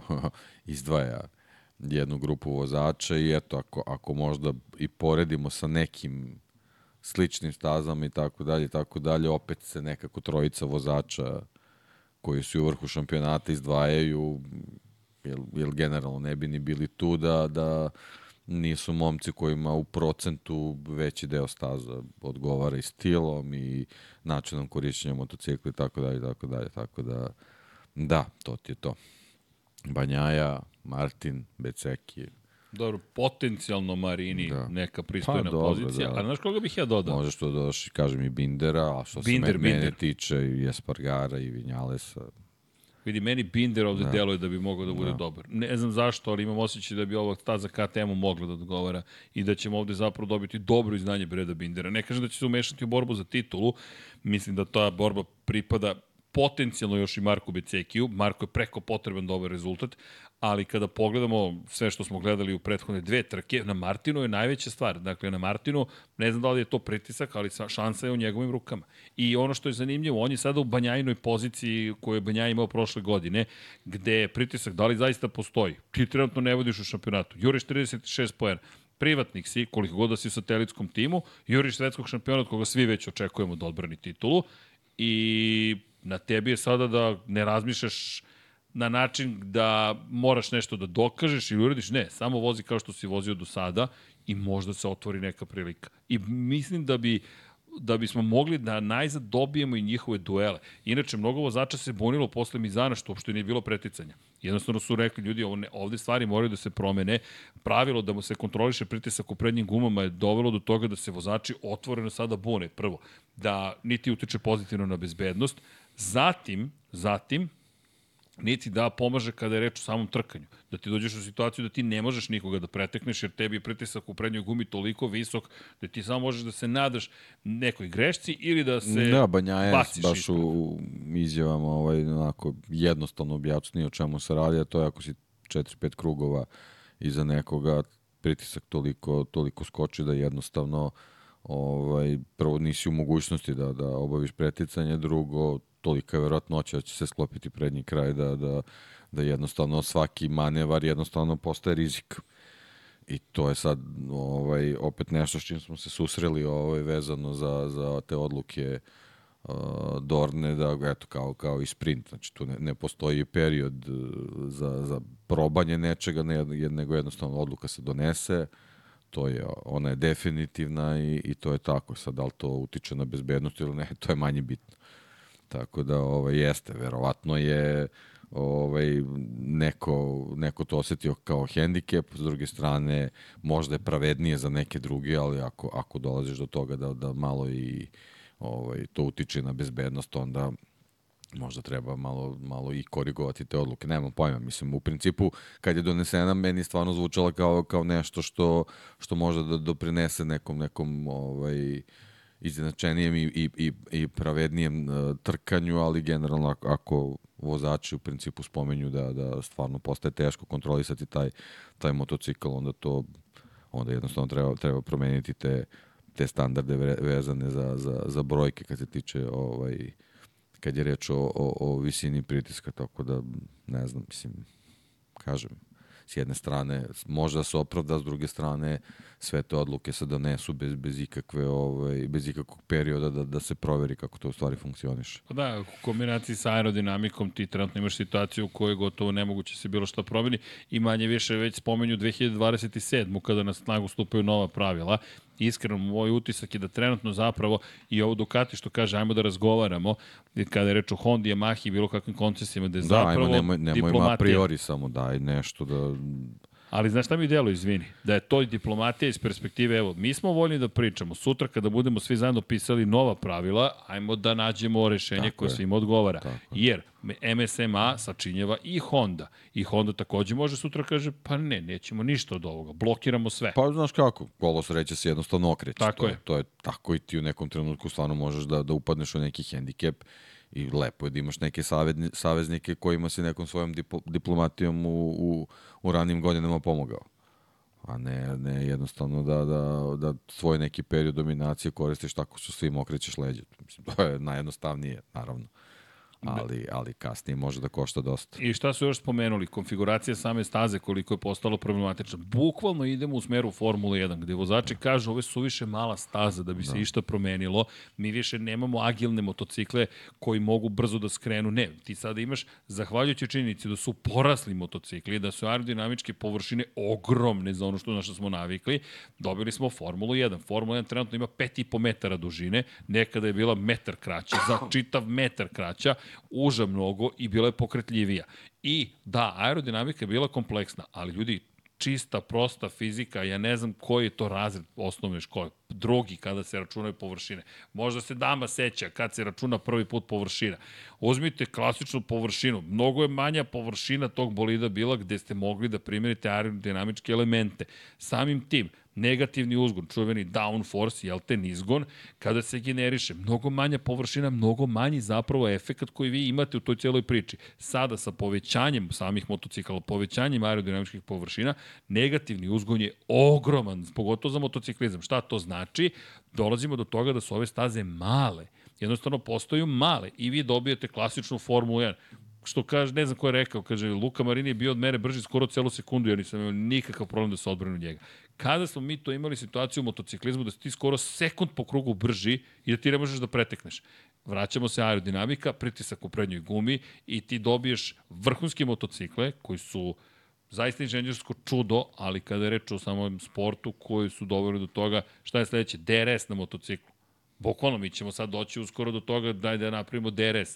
Ne, znam kako to može da se... Ima rešenja, ali pojenta daj nemojte to da, da, da, da, da dođemo dotle. Pri čemu ne treba kazniti samo sad Ducati ili Apriliju ili KTM zato što su bili bolji od Japanaca, ali mora se nađe neko kompromisno pa da, možda, rešenje. Može to jednog dana se desi da kao što je došla ova odluka tako preko noći, da dođe odluka kaže ukidamo aerodinamičke dodatke. Ili još nešto se desi, da Honda i Yamaha nađu rešenje da. i da onda kao što je Honda u Formuli 1 našla rešenje od Grand Prix 2 motora komentara Fernanda Alonso do toga da Honda odjednom je odigrala evropsku igru, moram ti reći. E, izlazimo iz, iz, iz Formule 1. Šalili smo se, ipak ostajemo u Formule 1. Pa čekaj, izlazite, ne izlazite. A ajde zamrznite razvoj motora dok, zato što mi izlazimo. Ok, zamrzli smo, ali mi smo ipak ostali. Ne liči baš na Japance, ali možda su i oni naučili prosto kako se neka igra igra. Kako god, stvari se lako promene i kažem, Dalinja mi zvuči opet pa, moram priznati u celoj ovoj priči, najmudrije. I ne samo on, Massimo Rivola takođe koji želi da priča. KTM je taj koji baš zateže u trenutku. Ali da to je sad priča u kojoj smo svi, čekamo neki rasplet, pa da vidimo. Ej, da odgovorimo... Red Bull zateže svuda. Da, Red Bull bukvalno zateže svuda. E, Marko Hektor samo koji je rekao koga su žrtvovali, Stoner je sam odlučio da više neće da se trka. Ma dobro, Pedrosa... ja sam to slikovito tako rekao. Mislim, uh, Ima Honda drugo, i Marquez su uticali da i Stoner i Pedrosa donesu svoje odluke. Ne, ali pazi, Stoner je izabrao Markeza kao naslednika. Međutim, vratio bih se na par stvari. Sam Mark Marquez, da ne mislite da je to bukvalno došao Marquez i rekao skloniti ih. Ne, ne, ne. Marquez je sada u najnovim intervjuima Zimus rekao da je on radio na tome da Pedrosa ne dobije delove motocikla koje on nije želeo da Pedrosa dobije. Jednostavno je rekao, ja sam bio spreman da uzmem neki deo, iako meni ne odgovara, samo da ga ne bi dobio Tako Pedrosa, je. da je Pedrosa ne bi mogao da bude da on, brži. To što kaže da on sad dao nekom ultimatum i rekao ne, ne, ne. on ili ja, nego jednostavno svojim potezima i odlukama su doveli do toga da njih dvojica dignu ruke od Honda u smislu da oni ni kasnije nisu sarađivali s Hondom. Ja, ja o tome pričam. Ne, ne, ne, ima tu par Casey stvari. Stoner uđe u garažu Ducatija i sa par rečenica prevrne sve Je se sećaš kad je ušao prvi sećaš, put u garažu kod Banjaje? Čekaj, se sećaš, Šta se desilo? Da, promenilo se sve, ali ima par stvari. Casey u Stoneru nisu. Kad je Casey napustio Hondu?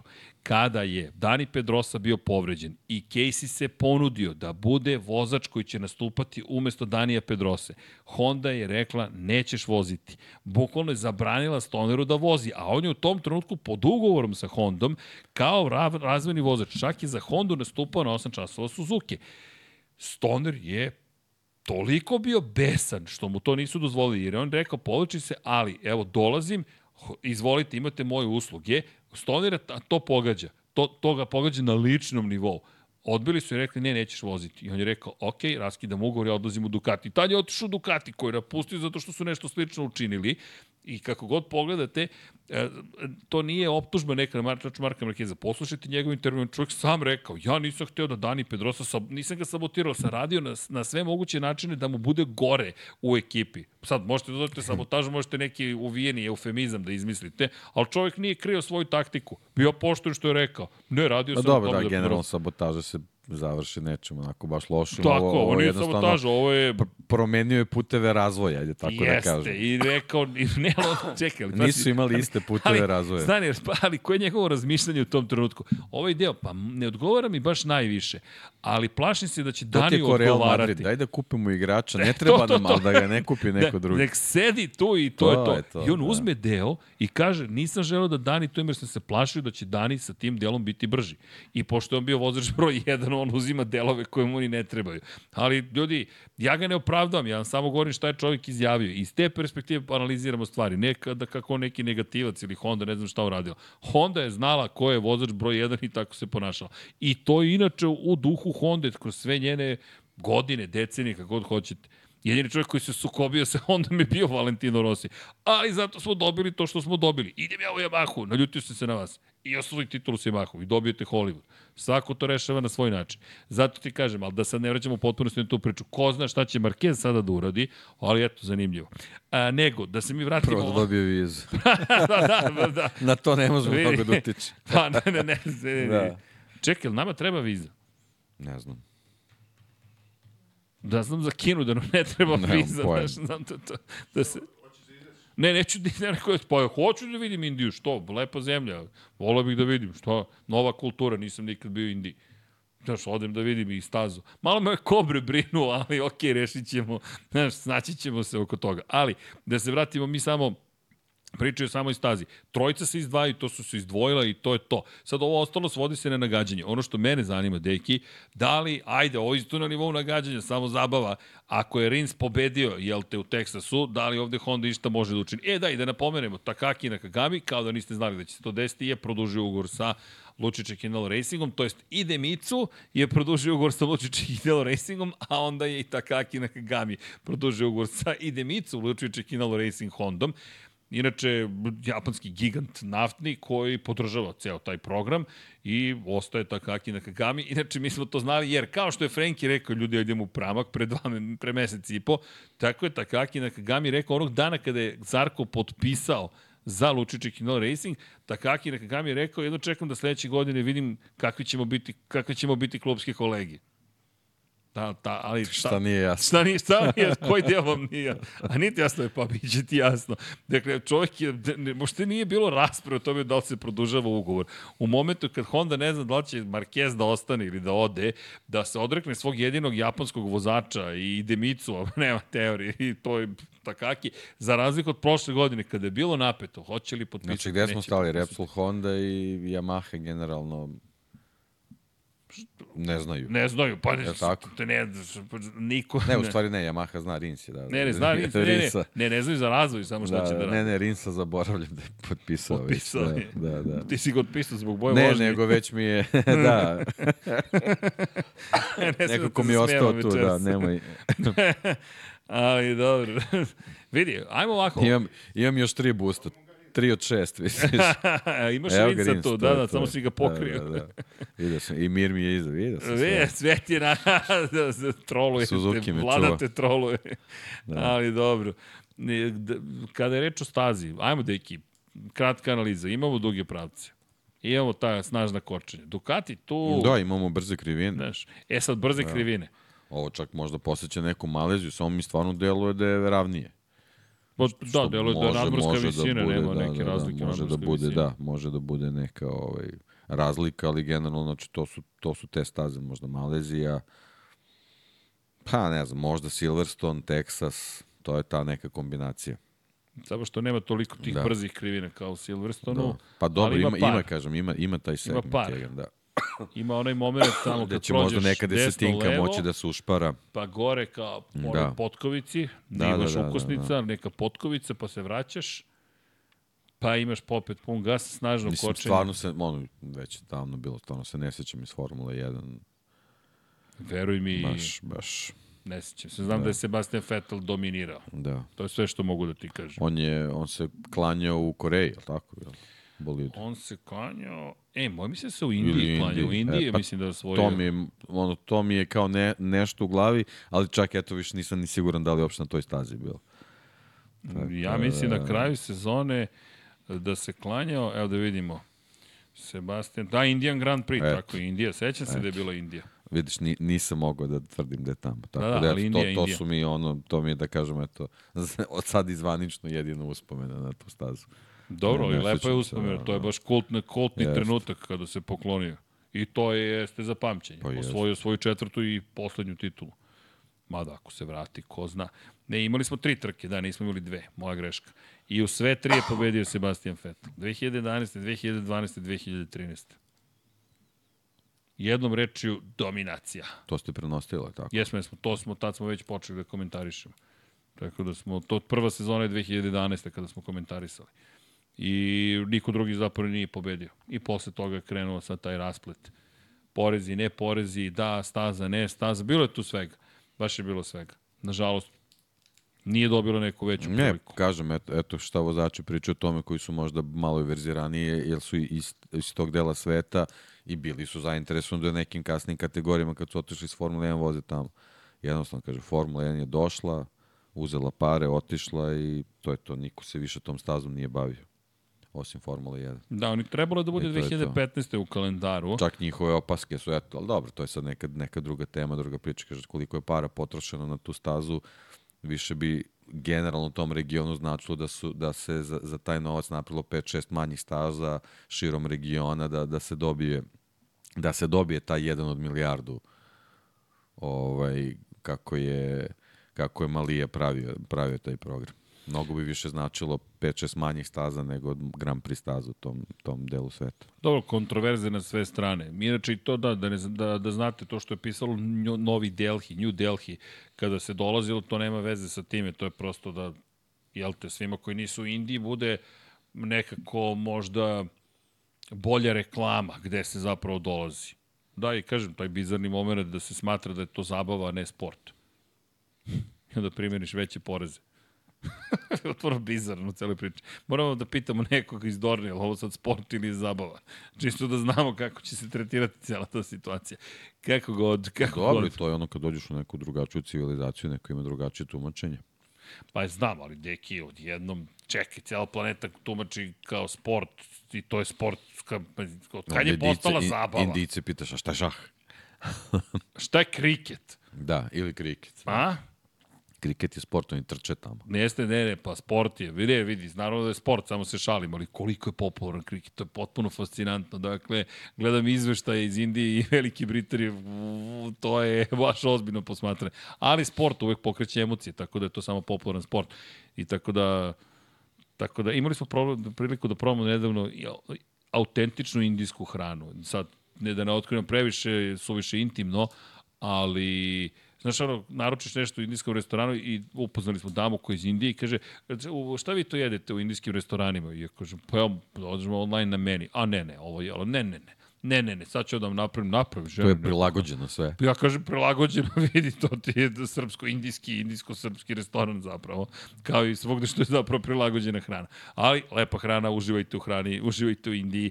E, deki, ne bih ja nešto posebno izdvajao nikoga, zato što je nemoguće u ovoj situaciji izdvojiti. Jedno čekam da čujem Morbidelijeve prve intervjue, zanima me šta ima da prosto kaže, kako, kako su osjećanja, šta, šta ga čeka sada, kakav je plan i program. Verujem u Valenciji već prvog dana testiranja postsezonskih da će biti. Cenim da mu Yamaha sad, neće praviti problem. Pa da, zavisi kako ti ugovori. Pa to zavisi od Yamahe. Ugovor da. traje uvek do kraja kalendarske godine, ali postoji taj takozvani džentlmenski sporazum gde oni daju pisanu dozvolu zapravo začu da, da nastupa. Pa, Samo da. ne sme reklame da nosi. Ako je neko ako se nekom izlazilo u susret, to je Frenki, baš zbog njegovog nastupa, tako da verujem ni sa Yamahom nije imao neki problem. Ma nije Nadam ni štedeo. Nije, pa nije, nije dobro, štedeo, ali, ali vidi, to je, to je onako sve bilo stvarno, ovaj, da kažemo, konstruktivne kritike su bile stvarno. Uh, vidi, iz perspektive kritika, to Franki je možda bio najdirektniji u tim odgovorima, ali to je Frank, Franki. Kad, kad ga pitaju zašto se dešava, ne znam tačno šta kaže, pa pitajte Lena Jarvis što pitate mene. I onda, he, i to je ceo osmeh. To je ceo osmeh koji on da Frenki. Ali dobro, zato i ne, Frenki je baš toliko obožavala. Sve veća misterija Moto Grand Prix. Da, znaš što je fascinantno? Koliko su, koliko su ga ljudi voleli i pokazivali otvorene emocije. Prosto im nije dao priliku da ga vole ovim rezultatima, ali ja sam ubeđen da će Franki sledeće godine biti ogromna zvezda. Zaista, ako budu rezultati iole u skladu sa onim što očekujemo od nekoga ko sedi na Ducatiju, zaista mislim da bi Franki mogao da bude čovjek koga ponovo spominjemo kao italijan brazilskog porekla. Jer pazi, ta italijansko-brazilska kombinacija je baš moćna na emotivnom nivou. Mnogo ljudi vole i jedne i druge. I iz te perspektive Frank ima tu jednu čudesnu kombinaciju o kojoj smo dosta pričali, dok je napredovao kroz karijeru, svoju titulu 2017. u Moto2 klasi. Prosto je čovek koji je nekako baš nosio taj trag Brazila. Ne, ne kao Erik Granado, koji jeste Brazilac, ali nekako niko se nije vezao osim tebe za Erika Granada. Malo. Tako da da. I neko bi pitao da li da, zelena majica. Zelena majica Brazil, samo stavimo žuto. Ovde imamo Brazil specijal 2. Ne, nego ti fali naranđasto da budeš Indija. Da budem Indija. E, pa da, dobro, to, to, to da. To ću ti ja srediti. Mogli smo ovde da nabacimo naranđasti da. mik i onda smo Evo sve. Evo ga, tako je, tako je. Da, da ga ubacim. Ne, ne, evo imaš, imaš, imaš uh, rezervni, ne moraš taj. Vidi. A? Evo stiže. Vidi kadar. Aha, uživo. E, da li je moguće? Pa, neverovatno. Meni je kadar na Sarkija. Nećemo ga stavljati, veruj mi. Da. Sad ga nećemo stavljati, tako da sve je u redu. Ali dobro, pokušali smo, Vlado, hej, dali smo sve od sebe da, da to učinimo. ste Dekijeva boja. Evo ga Sanduka. Odlično su ti počeli Bengalsi sezonu. Da, da, savršeno. Izvrsno, dakle, idete u Super Bowl zagarantovano. Ko počne s dva poraza, taj stigne do Super Bowla. Odlični ste, odlični. Strašno. Strašno. ali Deki... Ne, ne, to, ali vidiš, to ti je čim neko potpiše taj nenormalan ugovor, to je neverovatno. Opusti se čovjek. Ne, ne, ne, ne pričam samo za njega. Znači, Svi. generalno, a, a, cela franšiza bude u problemu. I to se de, dešava i sezoni u sezonu. Mogu ja nešto da te pitam? Izvoli. Imam neke paralele. Sad ja ne poznam dovoljno ovaj klasični evropski fudbal. Paralele, ovo izložbu. Ovo da, paralele, pa, pa, paralele, paralele, paralele, paralele, da. Ali, paralele, kukulele. Nemoj da mi bežiš sada, znaš šta ću te pitati. Deči. Čim sam pogledao vladu, jel te, Navijaš za Liverpool, navijaš za Cincinnati Bengals. Je to neki trend da morate da sebe uvalite u probleme, pa da onda pa, se kopate? Da. Jer to, znaš, deluje mi kao da, da. da je to sindrom zapravo. Da. Ne možete da imate jednu normalnu sezonu, nego vi morate u dubiozu i onda iz nje nekako... Pa da Jel volite taj Hollywood, znaš, da bude dramatično, hoćemo li uspeti? Pa, može se zove Hollywood, može se zove Sadu i Mazo, kako, kako hoćeš da zove. Da. Deki, ne znam koje, da. koje, koje ti servis streamingi koristiš, ja sam i danja na Netflixu i Disney Plusu. Ali dobro Ne, ja sam se. trenutno na, na Pazi šta ćeš reći, imamo malo letno Na live skoru. Ne, ne, ne, ne, trenutno sam na live skoru sam. Live, šta, se igra neka utakmica? Igra se, igra A ne mogu da nema vera. veze, nije to sad.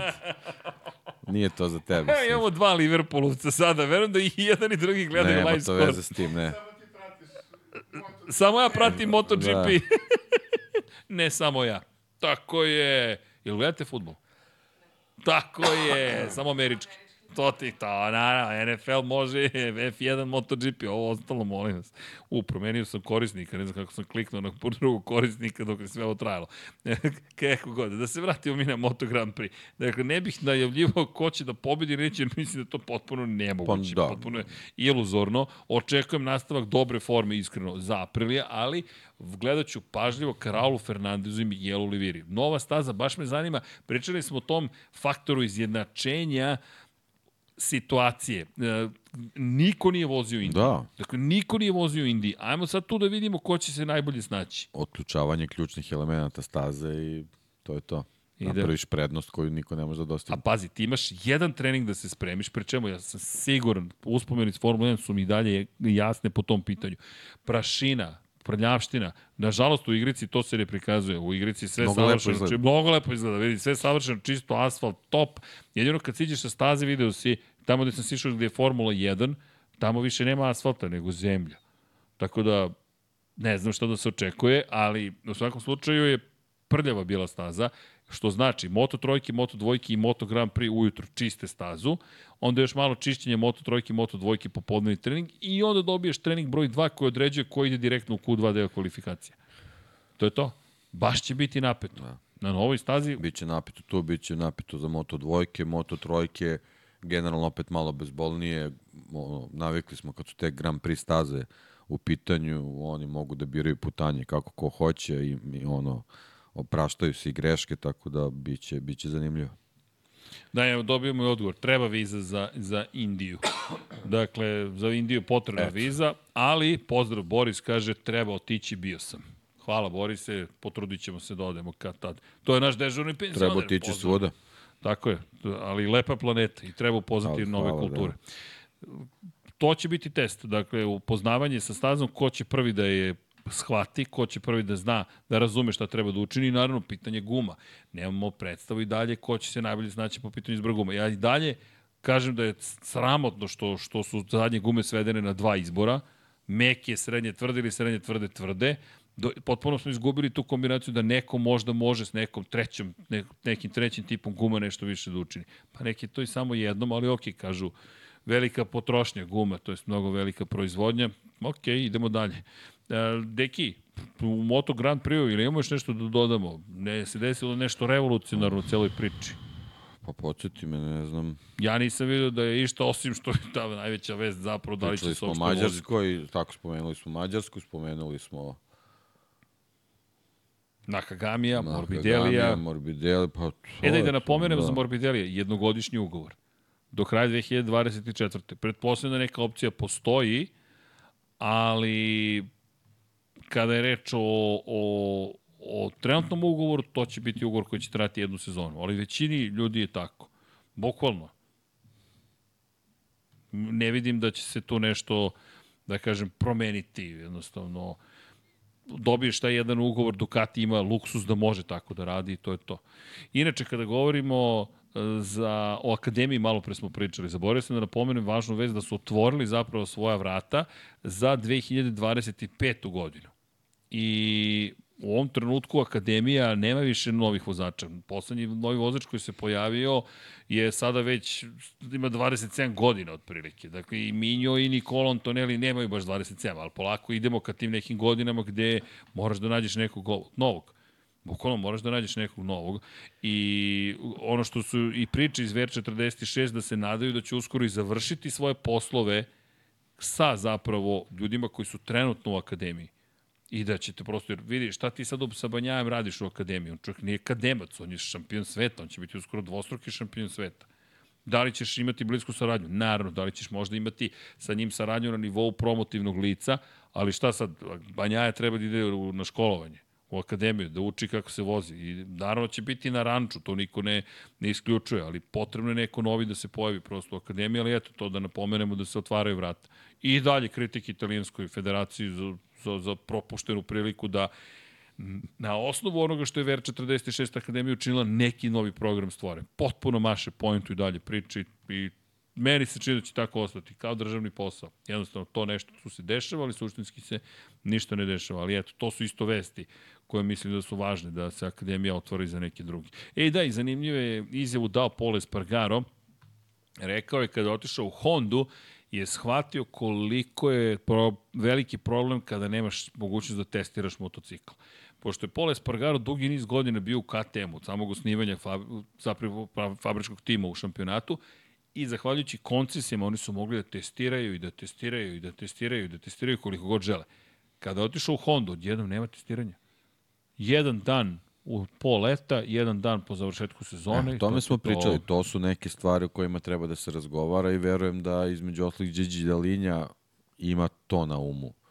Jer to su neke stvari gde, znaš, lepo je kad možda primenjuješ inovacije koje, koje se odmah prime ali doći će stvarno trenutak kad će verovatno i njima trebati vremena za, za testiranje, da, da bi se neke stvari ovaj, e, implementirale, e onda kad, kad se desi situacija toga ne budeš ne budeš mogao da imaš, a imaš takav element gde možeš vrlo lako da kreneš tramputicom, e onda, onda mogu da nastanu problemi. Tako da verujem da ovaj, da i on ima na umu neku, neku budućnost i zbog toga i, i želi da, da, da razgovara ovaj, da, da ne prepusti sve, sve trenutnoj situaciji, nego da jednostavno se, da se pronađe neki ključ i neko rešenje za ekipe koji su trenutno u problemima, jer je vjerojatno svestan da to može njima da se desi u budućnosti. Da, ono što je zanimljivo za Pola Espargara takođe bilo što je njemu zapravo je rekao da je pregoreo u KTM od količine testiranja u jednom trenutku,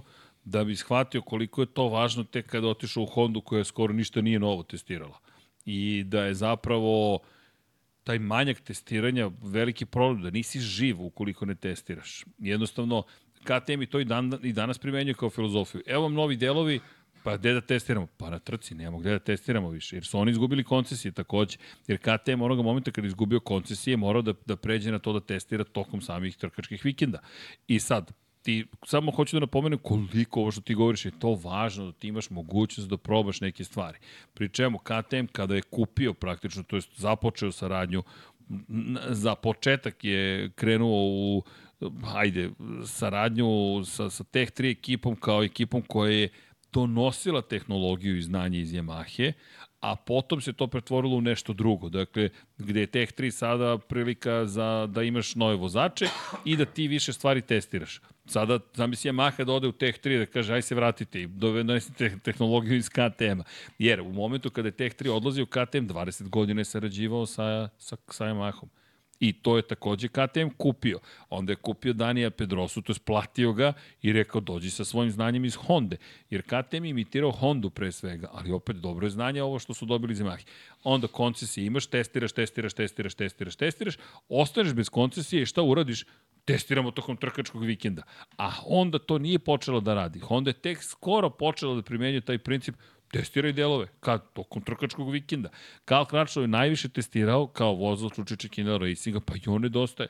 I Honda ni sa njim nije potpisala ugovor. Umesto da zadrži svog probnog vozača, ona kaže potpiši za Yamahu. I pusti Kala Kračova tek tako da ide. Daš puno problema u menadžmentu Honda zapravo. Ma jeste, pa ne, ali generalno u tom, u tom prethodnom periodu, mislim, ti si imao ljude koji niko ne može, ne može da, da garantuje da bi oni sad bili van serijski test vozači kao što Dani Pedrosa, ali imao si Kračlova, imao si ovaj, Lorenca, Doviciozo je možda u nekoj kombinaciji mogu to da se pojavi, ali jednostavno eto, mislim, neke, neke odluke, neki spletovi okolnosti, možda loš tajming i eto, došli smo do toga da i iz tog ugla Honda i Yamaha ne mogu da, da pariraju evropskim proizvođačima.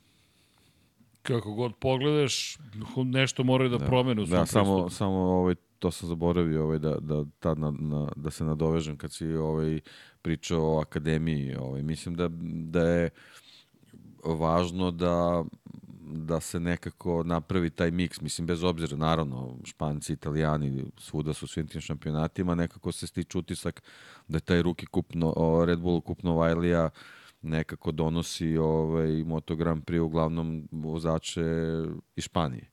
I bilo bi stvarno dobro da se da se italijanske federacije malo malo probudi da nekoj svojoj deci koja možda možda iz finansijskih razloga taj Red Bull kup Novajlija nije ni njima ovaj toliko dostupan da možda napravi neki neki tamo šampionat gde bi gde bi možda mogla se pravi neko sito.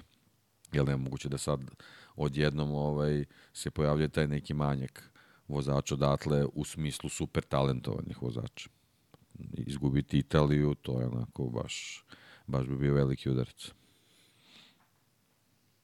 A da sve bude na Valentinu Rosiju sa svim obavezama koje se sad, Pričali smo sad tome. kreće Kako? u, u Moto Grand Prix i njegovim ambicijama vezano za, za trke izdržljivosti, mislim da, da to nije dobar posao.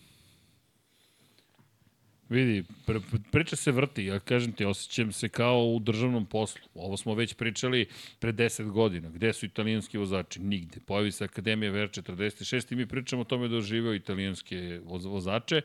Prođe 10 godina, ti momci su sada ozbiljni, to su svetski šampioni sve. Pazi, ko je sve osvojio titulu iz Akademije? Banja je osvojio titulu, Morbidelli je osvojio šampionsku titulu, Marko Beceki se borio za titulu šampiona sveta, borio se Celestino Vieti prošle godine, u jednom momentu se činilo da, je, da će biti njegova titula. Minjo nikad nije to spojio, Nikolo Antonelli takođe neko nije spojio, ni Luka Marini. Ali čak i Luka Marini mislim da bi bio u borbi za titulu šampiona sveta do kraja sezone 2020. u Moto2 kategoriji, da nije bilo onog čuvenog pada u Lemanu kada je čovjek bio lansiran, prosto se nikad nije oporavio, ne nikad, oporavio se on, ali tokom te sezone se nije dovoljno oporavio da bi u momentu kada počeo da beleži pobjede se bori za titulu šampiona sveta. To su sve uspešni vozači. Dakle, kada pogledaš i oni koji su otišli, Prezi, mi smo imali ljude koji su bili na putu da, da se domognu titule, pa, pa im nije to pošlo za rukom. Otišli. E, vidi, e, Nikolo Bulega, Čovjek je osvojio titulu u juniorskoj konkurenciji. Otišao je u Supersport, ne znam gde je sada, sada u Superbajku. Dakle, Nikolo Bolega, da, Nikolo, Nikolo Bolega potpisao za Ducati za sledeću godinu. Mislim da da. Da, Bolega će da. biti sa sa Alvarom Bautistom. Pazi, ti sad imaš člana koji je nekada bio deo akademije. I opet Ducati. I, i opet dok, ok, i, da vidi, zanimljivo, Ducati, vidi, možda nisu zajedno osvojili titulu dok je vozio za njih, ali kako je krenulo, samo njegovi vozači će osvajati titulu Ducatiju. U svakom slučaju, hoću da kažem da je taj projekat uspešan, ali sad, da li neko svest ima u italijanskoj federaciji, zaista mislim da... Pa dobro, mislim, to je, da, to, pričamo o tome, ali generalno ovaj, nacija gde, gde definitivno postoje afiniteti ka tom sportu, ovaj, štete da to izgubimo, jer stvarno, ovaj, kao što smo dobili onaj, Ducati kup ovaj, sa, sa jedne strane, stvarno bi bilo glupo da, da, da preko 50% vozača, na primjer, bude i Španiji. Tako da, ne znam, vidjet ćemo. U svakom slučaju, eto, i prosto prolazimo kroz neke, vidi, ajde, sad vratili smo se na tu temu, dakle, iz perspektive toga šta ti želiš, ok, popularan sport, ali to nije dovoljno. Znaš, to nije dovoljno. Pa i košarka je popularna na ovim prostorima, pa nije dovoljno da bude popularna da bi bila uspešna. Pa ne, moraš da razvijaš bazu. Pa da. U svakom sportu je baza potrebna, bez, bez baze nema, jednostavno nema, nema prave selekcije. I ako je ne razviješ... A posebno u, u, u ekstra skupom sportu kao što je automoto. Kažem ti, ta tema meni... Eto, spominjali smo Martina. Dokle bi Martin dogurao da, da, da, da je bilo da je bilo sve postavljeno na primjer kako treba i da je on da je on mogao sa nekim ovaj uh, da nije u stvari morao da se bori s nekim stvarima on i njegova porodica ovaj, uh, koje su ovde potpuno normalne na putu do, do, do, nekih, do nekih viših kategorija. Znači ovo sve što i oni danas radi, to su sve, u principu sve neki zaobilazni putevi u odnosu na neki pravi put koji on treba da ima. Pa evo opet, opet je pokazao kvalitet i gde se nalazi. Eto, to, to, to, su, to su ti neki problemi ovaj, gde eto, vidimo da i, i velike federacije ovaj, mogu da se, da se naći u problemima. kada pričaš o problemima, spomenuli smo Markeza na par načina da, da, da eto, očekujemo njegovu odluku. Marquez se oglasio po pitanju toga da li će možda propustiti celu jednu sezonu i poređenje je napravljeno sa Fernandom Alonso koji je otišao, propustio sezonu i vratio se, rekao ne, to se sigurno neće desiti, ti odmahuješ glavom, propuštena sezona, ljudi, on već ima propuštene sezone. On već ima, nemojte zaboraviti, on već ima propuštene Ma nije, sezone. Nije, nije to ista disciplina. Nije, nije a Pridec je već izgubio toliko vremena. Čekaj, ajmo, koja sezona nije propuštena za Marka Markeza? Je li ova sezona potpuna? Pa do, pola trka ove godine je propustio već. Pored toga, 2020. skoro celu sezonu je propustio. 2021. da, uspeo da zabeleži pobede, ali ljudi, opet je propušten dobar deo sezone. 2022. opet, koliko je propustio operacije i operacije. Kad je poslednji put Mark Marquez imao celu sezonu? Da je završio od prve do poslednje trke ili učestvovao u svakom trkačkom vikendu. 2019. I sad zamislite da ode da uzme pauzu još jednu godinu. Kod celu godinu ću da pauziram. Pa to nije kraj, to je, to je bukvalno penzionisanje. Njemu je potrebno sada što više trka zapravo da vozi. Na kojem god motociklu. Na kakvom god motociklu. A ne da dođe u situaciju sad vozim još manje. Pa nikad nije manje vozio u svom životu. To jeste jedan od delova problema. Dok su ostali, stasavali, učili, napredovali s tim motociklima i dobili smo jednu novu generaciju vozača. Jer, znaš, veliko je pitanje. Ja želim i Frankija da vidim na Ducatiju. Volao bih da vidim i Markeza na nekom drugom motociklu. Konkretno na konkurentnom. Da li Aprilia, da li Ducati, da li KTM, ne znam, ali bih volao da ga vidimo. Čisto da dobijemo odgovore. To je ono što i Rossi pričao kada je bio Ducatiju. Ja sam, nisam znao da li sam brz više. I kada se vratio pa, na Mahu, je sebi dokazao da i dalje brz. Jeste. Pritom to je još bio, ah, kako da kažemo to, razvoj nove generacije motocikala. Video si šta se desilo sa Doviciozom, sa njegovih šest meseci pauze. Bukvalno, bravo. Kako je, kako je on prokomentarisao razliku između svog poslednjeg takmičarskog Moto Grand Prix motocikla i motocikla na kojeg je seo posle šest meseci pauze. To jednostavno takvom brzinom se to sve dešava da godinu dana pauze, to je ravno. Mislim. Što ti je opet veza sa ovim što je Pole Spargaro rekao, ljudi mi testiramo iz trke u trku. Testiramo, ali na taj način lepo rekao, ostaješ, bukvalno ostaješ živ. I Pole Spargaro sada kada se vratio u KTM, u Teh 3 zapravo, iskreno ti, moram ti reći da bih volao da vidim šta će to sve da, da učini zapravo sada kada je zdrav. Osim da i mora prestane da pada za početak. Zaista je počeo da preteruje po tom pitanju, ali mislim da je to sad samo iz druge kraj, iz jedne krajnosti u drugu krajnost. Inače, kada govorimo o tom testiranju tokom vikenda, Joan Mir je rekao da može da se desi da će tokom ove godine već izaći s motociklom za 2024. u samu trku.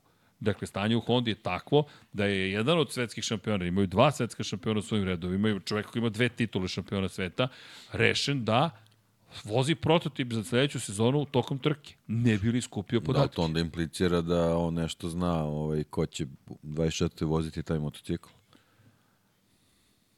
Što, pa bi, sad... što bi on dobio prototip za 24. Zašto bi on uopšte imao tu informaciju da će ga voziti u trci? Pa, u sad si me zbunio, moram te priznati. Nisam pa razmišljao o tome. Zbunio, isto. Ne, ne, okej, okay, ali ne, ne, ne, ne, ne zbunjuješ se ti tako lako. Da. Ne, ne, ja volim tvoj da, način razmišljanja i baš zato što ti vidiš stvari koje ja ne vidim. Ja, ja ti kažem, to, to je, znaš, neprekidno učenje. Iz te Kao što je Taka nešto rekao možda pre nego što je trebao, eto, možda i Joan nešto rekao pre nego što je trebao. Otkud njemu informacija da, da će ga dobiti da utrci. Pa ne znam, rekao mu je rekao šta planiraju da testiraju u cijeloj ovoj priči. Da, što, bi, što bi mu rekli ako ne računaju na njega? Dobro, računaju Ili on ne računa na njih. Pa ne, vidi, sigurno računa na... na... Ako on ne računa na njih, ako, on, ako je bila i priča da je on neće voziti, onda verovatno on, on nije adresa koju, koju bi se obratili da, da dobije ne, prototip ne. na testiranje. Mir je rekao da on sigurno ostaje. Bukvalno. To je to. To je, on sigurno ostaje. Ne, ne, on to, on je rekao, ja 100% vozim do kraja 2024. Ali ono što je zanimljivo, imamo sada situaciju da Tetsuhiro Kuvata, to je direktor HRC-a, je čovjek na stazi, pa je na stazi. Dakle, mi imamo situaciju da glavni ljudi zapravo iz Honda dolaze. Shinichi Kokobu, takođe tehnički direktor, Mir koji kaže testirat ćemo novu Hondu tokom trkanja, I eto, čekamo odluku Markeza. Ali ajde, sad idemo tragom novinarski, kako si krenuo. Ako je Mir dobio informaciju da će možda voziti prototip za 2024. tokom ovogodišnjih trka, Da li to implicira da Marquez neće voziti? Možda znači da će i Marquez voziti novi prototip, ne znam. Ili to znači, Mir, ti si vodići vozač sledeće godine, zato što mi znamo da zapravo Mark ne ostaje. Ako te dobro razumem. Pa, Ja sam dobro shvatio tvoj... pa mislim, kome, kome daješ prototip? pa valjda, e, onome ko želi. Znaš, ne znam, nemam pojma, da. Možda Eto, Mark samo- ne želi da testira u trci, ali to mi je sumnjivo. Pa Ako da, želiš on, on, da se, on je već, morao da testiraš već se opredelio da će testirati. Mislim, posle Saksena mi imamo drugog Marka Markeza potpuno.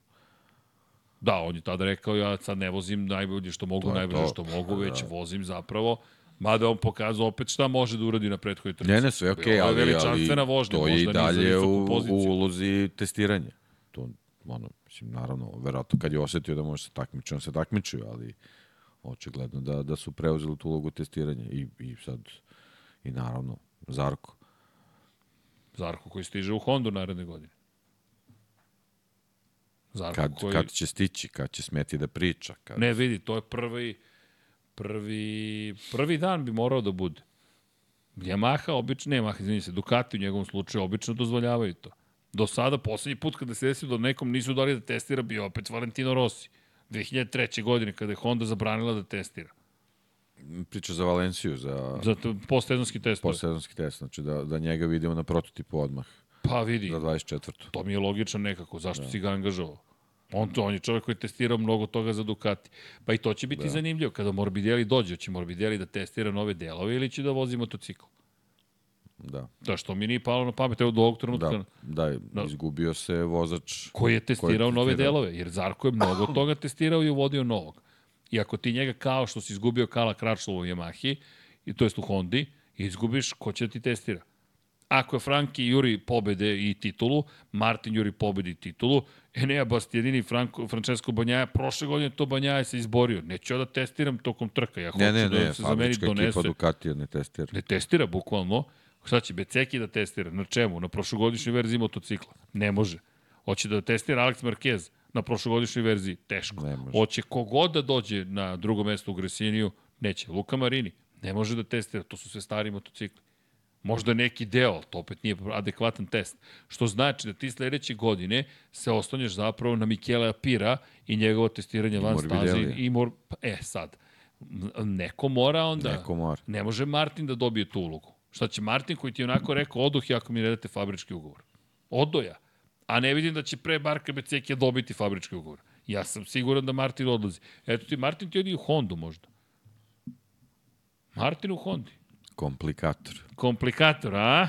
Dominator, komplikator. Jer vidi, ako ti takvog vozača imaš, a nemaš u KTM-u mesto, pritom ne znamo ni još uvijek ko će voziti za KTM, samo znamo ko neće voziti za Aja u Moto2 kategoriji. Pedro Acosta neće sigurno voziti i neće voziti Znao Albert mi Arena. nešto večeras. Nemam pojma, a ovo je, ne znam, ali, A? ali vidi, mi se družimo Ja nama nemam je pojma, zabavno. stvarno nevjerovatno.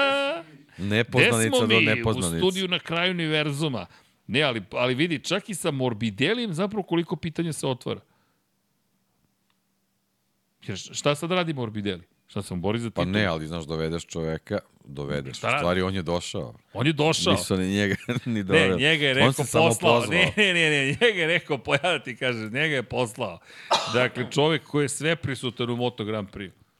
Ne, znaš, kao dolazi ti čovek koji praktično ovu i, i prošlu sezonu da računamo, nema svoje repere maksimuma. Ne. Kako on može da testira nešto? Pa dobro, ko će da testira? Pa ne, pa eto, Ko će, Martin da testira?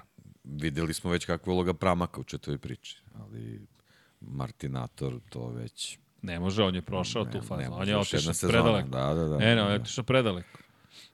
E, ne, Bastianini će na kraju da testira. Šalim se, šalim se, deki, ne boj da brineš. E, Pa ne, znaš kako, on u slučaju da, da, da sezona ne krene kako treba, ako želi da preživi u Ducatiju, možda mora i to da prihvati. On, on još sledeću godinu ima ugovor. Pazi ti tek tu misteriju, šta ćemo se Neom Bastianini? Da, da. Vlado, te ništa ne znamo. Piši epizoda neznanje. Nepoznanica. Nepoznato. Pa rekao si putu nepoznato. Da, pa Jesi lepo dao naslov. Putu nepoznato. Dobro, ćemo moje poznate. Od izvora dva putića. Tri, ovo je 17, po 76 putića. 76 putića, to ti kažem, Vlado, tako je. Ali znaš na šta bismo mogli da pređemo poznato? U Moto2 ko će da pobedi. Šalim se, naravno, pojma ni tamo, ali ako negde postoji izvesnost, Možda je najveća izvesnost u Moto2 kategoriji. Pa izvesnost ili izvesnije, da kažem. Izvesnije. Da, malo izvesnije. Ali da. ne bih pravio neku preveliku priču. Imamo, najveće pitanje za Moto2 je da li će Toni Arbolino da se probudi u svemu ovome i uzvrati, evo ovde se navijačice, navijačica Toni Arbolina hvata za glavu, mm. jer Toni se ne budi. Toni je zaglavio u nekoj priči i nema mrdanja. Mislim da znate, kratka će biti najava za Moto dvojke. Da će Toni Arbolino da se probudi? To je moje najveće pitanje, jer deki ovo je hvatanje poslednjeg voza.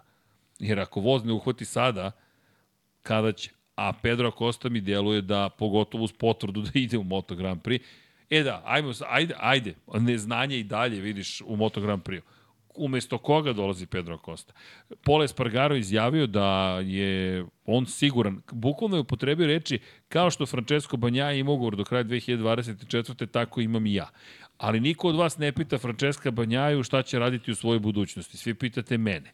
Ja mislim da mu je analogija da. pogrešno postavljena, ali ok, korektno zvuči na prvi pogled, ali... I u tom trenutku, pored mesta gde se intervjuše Paul Espargaro, prolazi Jack Miller. Prolazi Jack Miller. ni kriv, ni dužan. Ko ima ugovor do kraja 2024. ali bi lako mogao da ostane bez angažmana. To jest, i dalje stoji ta priča da mu je ponuđen 10 miliona da ustupi svoje mesto, jel te? E, Jack Miller je postao tata. Jel tako? Da, mislim da je postao tata, ako sam dobro shvatio. Ne pratim ljude na tom nivou, um, ali mislim da su njegova draga e, i pa on... Pa sad, ako se ne ubrza, ne znam kako mislim. Jeste, su... evo ga, prvo znači, dete može stiglo. Ili dodatno da se uspori ili da se ubrza, nema Jeste, treći. Rubi se porodila, kažu da je mama dobro, koliko sam shvatio na osnovu kadrova i dobili su eto dete. Svaki čast. I to je, to je prelepo, tako da znate. Pip Florence se zove, evo, to, to nisam znao. To je, pravi, to je, je pravi Grand Prix. E, to je baš pravi Grand Prix. I to je super. I sad, da li će se ubrzati? Nemam pojma, ali... Pa kažem, ili ili, nema, nema, nema sredine. Jack Miller, the, the, the dead. Čale! Sredina, ako ostane, mislim da će prihvatiti tih 10 miliona Au, i to je to. Sredina ako ostane, ako ostane. Sredina ako ostane. Reci kako se spajaju reči. A Kosta, Kosta, nema svugde. ja stvarno mislim da će Znaš Jack kako Miller... pitaju, kad, kad, kad pokažeš, oni kažu keš ili kartica. Deki raspoložen sa, sa tabletama je stigao. Intravenozni antibiotici. Da. Bitka. Ne, ovo je samo za pokušaj podmazivanja grla, ali ne ide. Pa imamo mi ne nešto ide. jače ako da, hoćeš da, za grlo. pa ne mogu zbog antibiotika. Samo konstatujem. Ili, ili. Ili, ili.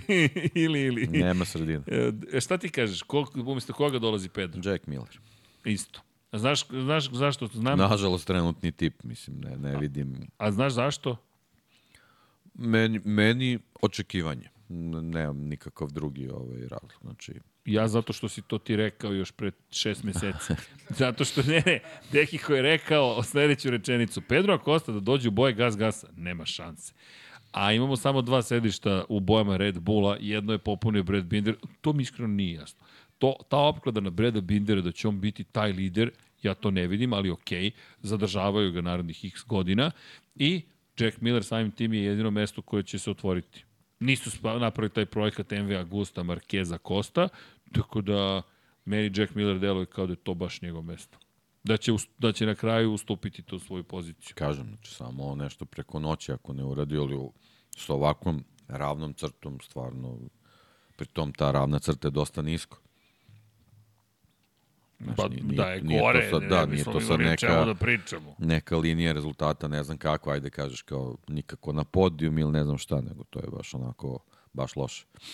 Ali vidi, Nepoznanica, Nepoznanica, putu nepoznato. To ti tako kao je, da prognoziramo, je. E, kao da prognoziramo ko će pobediti u Moto3 kategoriji. Ali ajde, da. samo kratko se zadržimo na, na, na, na, na Moto dvojkama. Da. Samo kratko, da, da, da ne bude da smo preskočili celu klasu da, i da smo rekli, ma ok, nema ništa da se najavljuje. Ne, ne, ima šta da se najavljuje, ali Pedro Costa u ovom momentu je čovjek koji zapravo je pobedom, dominantnom pobedom u Mizanu, jasno se ima stavio do znanja kako stvari trenutno stoje. I ima prednost, 211 poena ima, 177 poena ima Toni Arbolino. Treći je Jake Dixon sa 146, Dixon je tu ispao 65 poena za ostatka, to su već dve pobede u Moto2 kategoriji, baš je teško da se uključi, nije nemoguće, ali bit će mu potrebna sreća. S druge strane, Toni pobedničko postoje nije video od Nemačke. U Holandiji sedmi, deseti u Velikoj Britaniji, šesti u Austriji, bio u Kataloniji 17. i četvrti u Mizanu. Trenutna razlika ok, nadoknadiva je 34 boda, ali to i dalje je pobeda za, za Pedra Kosta. Ja se samo plašim da pričam ovaj, o Toniju na način kako smo pričali o Ćeliju. Sećaš se da je bila priča, ajde, možda ova Evropa ne prije, pa hajde ponovo kad krenemo na van evropsku turneju. Ali okej, Tako da neću da uopšte da, da, da pričam, da, ali neću uopšte pričam na taj način, nego jednostavno to što kažeš, mislim, moraš da se vratiš na pobedničke podijume ako, ako, ako želiš. Jednostavno, matematički ti, ovaj, brojevi ti govore da, da, da su ta, ta, ta količina bodova je neophodna, mislim, sa, sa jednocifrenim ovaj, učinkom na trci ne, ne osvajaju se šampionske titule. Toni Arbolino mora da se provodi. To je poruka cele priče. Bukvalno hvata poslednje vozove. Ili ekipa, ja ne znam, možda, možda sa VDS-om nešto ne... Možda su po ceo dan na Google gledaju šta se treba za Superbike da sprema. Otko znam, možda postoje neke druge priče, ne znam. Možda se ne bave ovom sezonom više. Dobro, vidi. Bilo Mark bi, bilo bi šteta ako je žrtvovao sezonu u Moto2 klasi da bi se spremio za Superbike, Tako je. to je baš A sa 34 gubitak. boda razlike, mislim, stvarno... ali ok, poznajući organizaciju timova nije nemoguće da su prosto previše hteli i da previše žele u ovom trenutku. Pa evo, št- pričali smo i sa tom treba i Kotora da pitamo. Mijodora Kotor koji, koji čovek je, koji vodi Moto3 tim ceo. Oni su odustali od Moto2 tima. Oni nisu bili spremni organizacijono da vode i Moto2 i Moto3 tim. A znaš šta? Superbike, šta ti je... Mislim, znaš, znaš da sam ja po, prošle godine pravio porođen Moto2, Moto2 i Superbike. Šta je sad, Šta je veće? šta je veće? Pa vidi, meni Šta da... ti je- više donosi? Da, to ne znam. To ne znam. Njima donosi Moto2 više. Oni su u Moto Grand Prix šampionatu već predugo. A, šta im donosi? Pa poziciju... Pa vidi, Mark, Vede, Mark Van Staten se zabavlja. Tako da ovo pitanje je vrlo zahtevno, jer ne znam u kom padoku on više želi da Ako bude. se zabavlja na način, recimo, kako sam se ja zabavljao, Dobro, kad sam gledao dobro. trke, kad sam bio klinac, znači ja bih mnogo više volao da imam tim u, u Superbajku nego Moto2. Eto, ako, ako pričamo i, iz toga. Da, ali kažem ti, ne znam. Sada smo razvili naše pivo, tako, Tako je, kao, kao što, što je on jesmo, razvio. ali- I, ne, ne, znači na, na nivou Dobro. Marka Van de Stratena, sad u ovom trenutku trebamo da uložimo u jedan tim, a imamo sredstva, znači da li ćemo Moto dvojke ili Superbike, ja bi Superbike izabrao. Da, ali vidi. Mark Van der Straten nije hteo Moto Grand Prix. Njemu je Moto 2 bio najbolja zabava zato što nije prevelik, a nije premali. Pa da li meni sad Ti se uklapa u priču deluje da ovoga. Superbike možda bude i bolja zabava u ovom trenutku. Da, ne, to ne znam, nisam bio u padoku Superbajka, Ja tako sam da... bio. Delo je zabavno. Zabava, Vidi, jeste. ako, ali bukvalno, ja se ne šalim, čisto da, da, da publika zna. Ja se ne šalim, Mark Van der Straten, mi smo ga pratili uživo, fizički, kako on nastupa kada je reč o Moto Grand Prix. Evo, evo daću vam samo slikovito primer, nije, nije čak ni bitno koja je staza.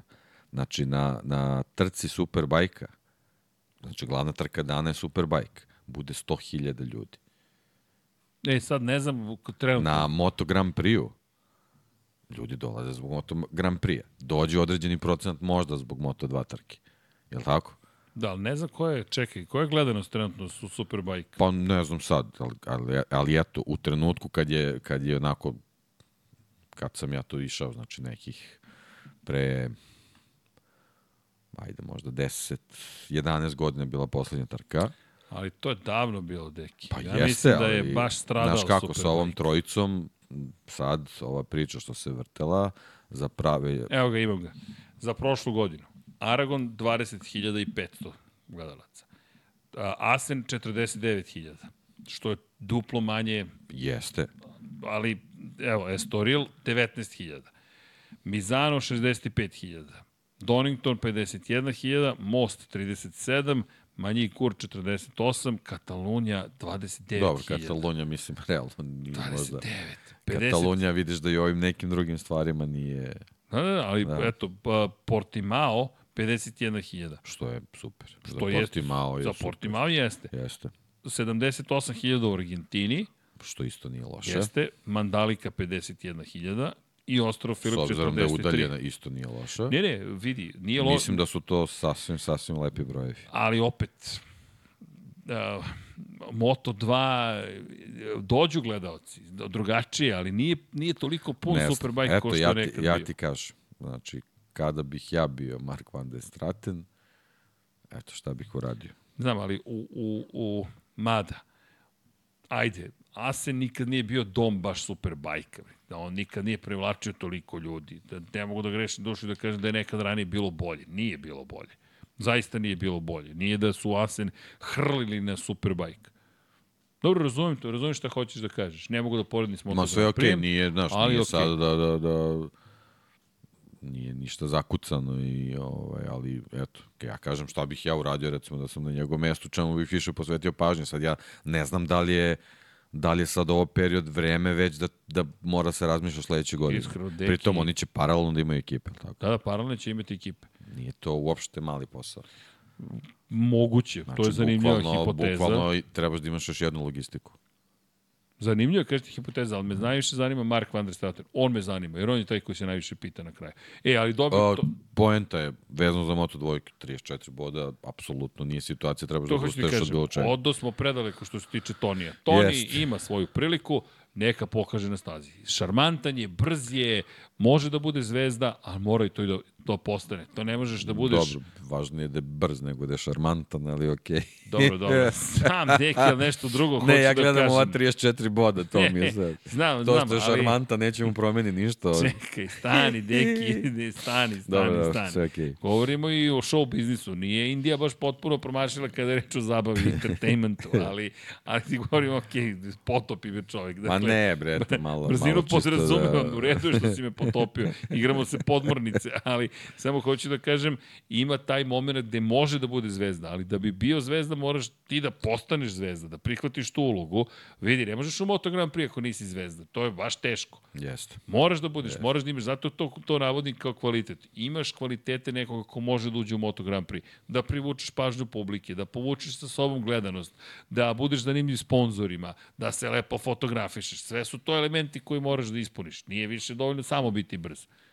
Nije nikad ni bilo. Case je bio brz, pa i dalje muka. Ajde dođi da se fotografišeš za promotivne Ne, ne, ali Ne bi. vidiš kako je sad nastala ta borba i laktanje jednostavno za, za svaku posljedicu Moto Grand Prix. Moraš da radiš na sebi. Moraš, Moraš, pa zato ti kažem, da moraš. primete, da. Pa ne, vidi, najbolje bi bilo, ja sam nevidljiv u Moto Grand Prix, da. sorry, e, nisi nam potreban. Pa Casey nije mogao da se izbori s time. Da. U ono doba i s onim rezultatima. Čak bio svetski šampion i to kakav.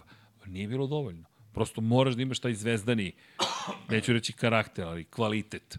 Bog po ti je neophodan. Zato Toni istupi, nastupi, Tako pokaži šta možeš. Biće zanimljivo vidjeti Celestina Vijetija, Između ostalog na taj način pro, probudio ugovora. ekipu. Tako je, pokren, A. budi vođa. Ako i oni ne razmišljaju nečem drugom, treba kažu čekaj, vidi, imamo Vidi, budi priliku vođa. da osvojimo titul. Budi Da. vođa. Ti si taj sad koji znamo da Sam Lowe's U odlazi, moraš da se u postojiš. ostalom, znači, da sa titulom u Moto dvojkama budeš tim koji počinje i eru u Superbajku. I, I to znači, jeste, Mark Van der Straten vrat ima pare, Pa pa, ga ne zanimaju ni sponzori, ne znam šta, ali zar to, nije, zar to nije lepo imati u portfoliju na taj način? Ali, ajmo još jednu stvar, izvini. Ako Toni ne dobije ugovor u Moto Grand Prix, šta, nećemo biti otvorena vrata da. Da. Superbajka. Kod Marka Van der Staten, koji se lično vezuje za svoje vozače. Pa eto ti je prilika, dođi. Dođi da. Toni da osvajamo titulu tamo. Ne kažem da mu je to cilj, ali ako ti se ne otvori Moto Grand Prix, imaš da da, ideš. ne znam kako se otvorimo to Grand Prix, ali dobro. zaista ne vidim u ovom Stvarno ne- trenutku. ne Zato vidim kažem, nikako. ovo mu je poslednja stanica, mora da uhvati ovaj vozić. Nije vozić, Znači, ovo je brzi mogla voz da mu se otvori, eto, da, da je Marku bio baš simpatičan, pa da ga on pogura finansijski tamo, a s obzirom da se sad igra u Superbajku, ne znam koliki mu je novčanik stvarno. Ne, vidi, ali postojala je šansa da, da je nastavio tamo gde je bio, osvojiš titulu šampiona To, sveta to. Moto2 klase, to, To, to. menja stvari. I to ne, ne osvajaš bilo kakvu titul, pobeđaš Pedra Kosta. Tako je. Vidi, ti si se ozbiljno onda kandidovao za jednu ozbiljnu ulogu. Ali to trenutno nije Pokvario situacija. si svima sve planove. Bukvalno si potopio ceo KTM. I Moto Grand. Prix, Dornu, Repsol, Hondu, Red Bull, sve- Red sve Bull, živo. svi su, sta, sve, Toni Ajkula, baš bi bio Ajkula, ali ona, Spielbergova Ajkula, Tako, Toni, idemo. pun gasu idi. Ajde, bre. Ajmo Ajkula. Daj, kako Čuvaj se kažu oni. zmija, ali nema Ajde. Šta je jače, zmije ili Ajkula? ne znam, brate. To ti je pitanje iz kengura. Zemljotres ili vulkan, ili to?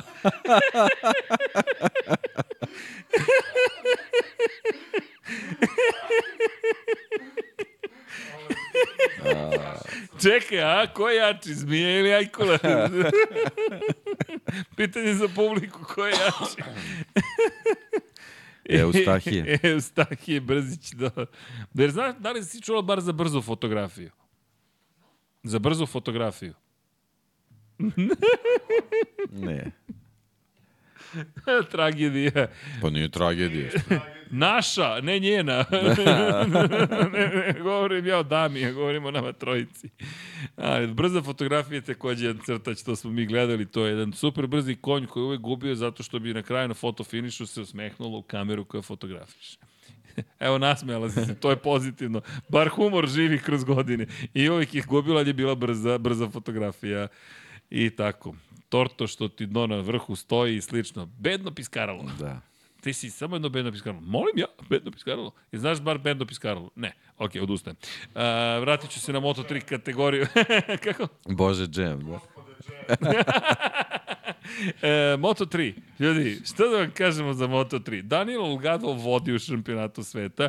Dve trke za redom nije osvojio poene. 161 I nema nikakav. I problem nema, s nema nikakav problem s time, a ne znamo ni koja mu je namera. Ima četiri poena prednosti u odnosu na Yumu Sasaki, koji pobedu nema ove sezone. Tri pobede ima Daniel Olgado. Pritom, Jaume Masija, jedna pobeda. Se ubi. I treći u I šampionatu. treći u šampionatu, 149 poena, ili ti 12 manje od Daniela Olgada. Denis Ondžu, Šta o njemu tek reći? 144 Iskida živce svoj četvrti. Bukvalno i sebi drugi 17 poena zaostaje u šampionatu za vodećim. Zatim David Alonso, David tri pobjede u četiri trke. Čekaj. Kao, ovaj, Vihor. kao kondorov let, znaš, na kraju trke. I, E. ali i muzika. A da, kako ide Condor Let? Tran, tan, tan, tan, tan, taranana. Jel tako? Tako nešto. E, Eto ga copyright, ga. eto, ti ga. E, Ja, znaš šta sam Vlado smislio? Šta ćeš morati da nam nabaviš? Dakle, ovde je jedna, ne znam kako se to sad zove modernim rečnikom, ali da puštamo efekte sami. Razumeš? Da napravimo lepo efekte. Tirin, tin, tirin, tin. Tin, tin, bra, I tastatur, klavijatura. I onda sviramo. Da. ne, ne. To ne može. Klavijatura, gitara, razumeš, bas, bubin, bum, bum, bum, bum, bum, bum, i tako dalje. Ali vidi, efekti moramo da imamo. Tako je. I dramatična muzika. Daniel Olgado vodi u šampionatu sveta. I neke modulacije da nabaviš za Darta Vadera. Darth Vader da budem. Mama da se uplaši. Mama, volim te. DNA. To ćemo ovaj, za, za treći kraj univerzuma. za treći kraj univerzuma. Da. U svakom slučaju, e, David Alonso, tri pobjede u četiri trke, deki, da ne, ne znam, nije Novajli, da nije počeo da radi tipa u devetoj trci sezone, Pa dobro, neko krene na početku sezone, pa poklekne, nekom je treba malo više suigra. ma lažem, da Ja potpuno vo, sam oduševljen. volao bih kod Da. njega da je tako, da. Ma ja sam potpuno da. oduševljen, dečko. Da, Da, da. Pazi, pobjeda, pobjeda, pobjeda, pobjeda, najbrži krugovi. Pri čemu njemu je u Austriji pripao najbrži krug. Da. Sletao sa staza, ali je bio brz. Znaš, David Alonso je nova Ima on zvezda. i drugo mesto. I Tako, Čekaj, David Alonso je lepa sezona. zaista već sada na putu, Eto, ako što ovako kažeš- nastavi. Kad neko lepo izgleda. To je to. I brz je. E, to je to. Da, i uskoro skida I protezu. još kad ze- zemlja stane iza njega, kao što će stati. Staće sigurno, staće cela zemlja. Da, pazi, kolumbijska himna intonirana već tri puta u četiri trkačke vikenda. I ja sam zaista potpuno dušen i mislim da on trenutno najveća zvezda koju imamo u sva tri šampionata. Pazi, on se nameće. Ja mislim da sad svi gledaju ka njemu i kao, čekaj, da li je ovo taj sledeći? Znaš, kao što su uvek, i neminovna su poređenja, sa Kostom, sa Markezom, sa Rosijem, sa kime god. Jednostavno, to je samo pitanje trenutka kada će to početi. To je samo bukvalno pitanje trenutka kada će početi, ako već nije počelo. Ali ja želim da vidim šta će da uradi u ovoj trci. I naravno, Ivan, Misterija Ortola, dve pobede ove sezone, čovjek ima 132 poena i on teoretski jeste u igri. Pa dobro, on, on, 29 on poena marljivo skuplja bodove, tako da to se nekad isplati. Ne odustaje, izvini, ali ne odustaje. Isplati se to ponekad. I ja ne mogu bolju trku da zamislim. Još je Jose Antonio Reda počeo tu da se pomalja tamo gore, nešto da se dešava s njime. Dodaš Davida Munjuza koji se oporavio, Ne Pa znam dobro, šta do- ćemo s Colinom Vejerom. Ne, ne, sve- ali pazi, pazi, Colin Vejer odjednom deki igra figurira u ozbiljnim ulogama. Naravno, Olgado, Sasaki, Onđu, Masija, Alonso i Ortola. To je vodeća šestorka i moramo da je navedemo. Dakle, ne možemo da kažemo da, da nikog od njih ne očekujemo da bude u borbi. Za, pa i za pobedu. Mora da se kaže. Prosto mora da se kaže i to vam je najava za Moto Trojke, jer ja sam potpuno oduševljen trenutnom situacijom. Ček malo ova ruka pobeže, ali ja dočekam, da ti kažem da vidim to trku, da vidimo što, kako će to sve izgledati, kako će se završiti sezona i mislim da tu nas čeka, ljudi, super brzi voz, super brzih trka gde nemamo pojma šta će se desiti, a sigurno će biti grešaka, jer mene sad zanima ko će više zapravo ili ti manje da izgreši do kraja sezone. A greške se Jeste. počinju da postaju vrlo ozbiljne. Kod Olgada, kod Masije, ok, Masije sad se malo stabilizovao, pa ajde da vidimo. Pa sad i on video ono što su ga od početka Što ga savjetovali u timu. savjetuje. Budi drugi, u redu je. Osvoji titulu, čovječe, idi u Moto2 klasu kao šampion sveta. Sve je to u redu. Pri čemu Sasaki je taj koji najviše počeo da gubi u formi. Jer Sasaki u ovom momentu, na dolaskom Alonsa, Ondžua, koji je super, Ondžu se stalno bori za pobede, uprkos tome što nema Olgada, počeo da gubi tempo. Ti odjednom imaš Masiju. Da, i u njegovim izjavama se vidi to nezadovoljstvo. Nikako dođe pobjeda ove godine. Znaš, nikako, A imaš, pazi, nikako. ima samo dve u ka karijeri. Da, da, da. Pazi, David Alonso ima više pobjeda u karijeri nego Jumu Sasaki. Jesi svestan toga da on čovjek ima više pobjeda od Jumu Sasaki? Imao da Ondžua više pobjeda. Ondžu ima dve. David Alonso ima tri pobjede. Čovjek potpuno besmisleno. De, de, čovjek će ako pobedi četvrti put sad u Indiju, bes, besmislit će celu priču. Pazi, to je treća pobjeda onda za redom. I Boga bitka mi, za titulu. da. Na? Da, da. Reci, Ne, ne, intrigantno. sa, sa, sa pobedom u Indiji to bi baš bilo onako spektakularno. to ide već na neki potpuno novi nivo.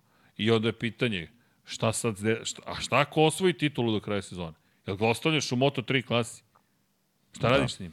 Pa, Pa, koliko ima godina? Jel on napu, hoće napuniti sa 18? Ajmo misliš da, da to bude ograničenje? Pa ne, to je ograničenje za da, Moto da. dvojke. Pa ne, mislim to da bude ograničenje, Pa je- da, da ne razmišljaš o tome, u tom smislu. 25. april 2006. A, Alonso pravilnik. Ko je šampion sveta u Moto3 kategoriji, može i mlađi od 18 da vozi u Moto2 klasi. Da. Garantujem ti Alonso pravilnik ako se to desi. Garantujem. Kao Quartararo pravilo što se menjalo. Ha, Fabio je promenio svet još pred skoro 10 godina. Pre 8 godina, kad si ti imala 7, on je promenio svet. Malo se šalimo, ne zamjeri. dakle, pojenta jeste da David Alonso bi mogao da promeni svet. Dobro. Dobro, deki. Dobro, Srki, izdrža smo nekako. Da, ne, ti izdržaj, ja se silno zabavljam, ja bi sad Pa ne, još... ja se zabavljam, nego Ali- ne mogu mnogo da pričam. Jesi imao primetio modulaciju glasa? Malo... Malo, Predivan, o, komplimenti padaju Hvala, ovde. kolega. Predivan je glas. da poradim na njemu da, ili... da poradim na njemu, da, da, da, da. Da, da, da. Malo samo Jako. da se manje troši. Malo manje da se troši. Ej, nemamo neko pitanje iz publike. Tišina. Bili su u futbalu jedno vreme. Kako, kako? Nisam, ne čujemo to, izvini. Šta ćemo sa Fabijom Diđan Antonijom? Pitanje iz publike. Pa Tu ništa. su, tu su se učutali, ali generalno čutali to mesto se, svi računamo da je ajmo- upražnjeno. Da, ajmo da se Mislim, vratimo. žao mi je njega, ali... Da, ovaj, ali ajmo da se vratimo. Poruka da. je bila za Diđu, ima tri trke da donese rezultate koji su adekvatni. U te tri trke, Austrija, Katalonija, mi, San Marino i Rimini, 17. 10. 17. Ako je to dovoljno da ostane na jednom od osam Ducatija, onda ima jake veze. Onda u Gresiniju baš ima snažnu vezu, ali ja stvarno ne vidim da će ostati. I to je super pitanje. Sada kada je, bravo, hvala ti, Morbidelli potpisao za pramak, kada je Marini ostao u VR46, kada je Beceki ostao u VR46, kada je otišao, kako? Toni ostaje u Moto2 kategoriji Mark VDS Racingu, ko popunjava redove u Gresiniju? Ko ide na taj Ducati? I sad visi ta priča o Marku Markezu, pri čemu jedna od teorija, ej, Puđdemon je super napisao za motorsport, njegova teorija da Gresini čak i da ima potpisan ugovor s nekim, će da ćuti do daljnjeg. Zašto? Koliko smo puta spomenuli Gresini zahvaljujući Markezu? A to njima nedostaje ove godine. Prošle godine je Bastianini s pravom Gresini držao da. u vrhu non stop. Ove godine, kao Mark Marquez će potpisati za, za Gresini. Samo vi pričajte o nama fotki Gresini garaže, fotki, bra, fotki brata Aleksa Markeza u Gresini bojama, priča se o Gresiniju, tako da on... Pa ne, da li će se pojaviti neki to. sponsor ekipe koji će recimo da rizikuje... Kaže, možda dođe Mark Marquez. Da, da, bit će sad jeftinije da uzmemo mesto. Pa to je račuveno, investiraj sada. Investiraj će kad uspeš, to redu je, ne moraš. Hvala Tako ti. Je. Sad tad smo završili posao. Ne, pa to je Novak Đoković filozofija. Bićemo ti sponzori kad budeš najbolji na svetu. E, biće mi svako. Hvala, ne morate, bukvalno. Tako da za Gresini, pa evo, vidite, lepa prilika da se spominje. Ali bravo, odlično pitanje. Jer mi nemamo još uvek pod, pa odgovor na to ko će tamo da vozi.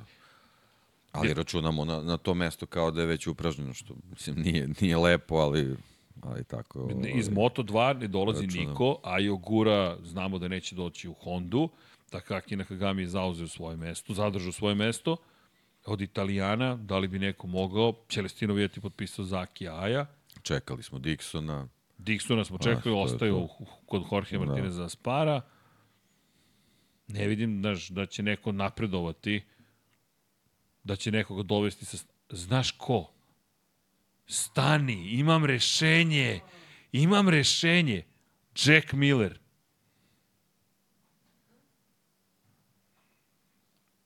A? A? Da, možda bi njemu prijalo. Vrati se kući u Ducati. Pazi. Dođi kući. Ok, uzmi lovu od KTM-a, vrati se kući. Australijanac Dorni je potreban u šampionatu sveta, spašava obraz i dalje ima konkurentan motocikl. Alex Marquez, Jack Miller, ne vole se stari rivali iz Moto Trojki, taman imaš malo odnosa. Jack Miller je popularan, brz je bio na Ducatiju, može iz KTM malo da donese nešto. U ekipi. Nemaš neku dramu, da. simpatičan je, da. sigurno će ga kamera pratiti. Što ne bi doveo Jacka Millera? Ao, ponosan pa, sam na moje rešenje. Bravo ali sam ga rešio, a? Ten, to ti kažem. Pa ne, ja bih ga angažovao. Da sam ja radio pa ja bih rekao, ček, imamo Jacka Millera. Ode Morbidelli ovamo, nema VR46, Jack zna Ducati, dođi. A, pa dobro, dođi, ali šta donosiš?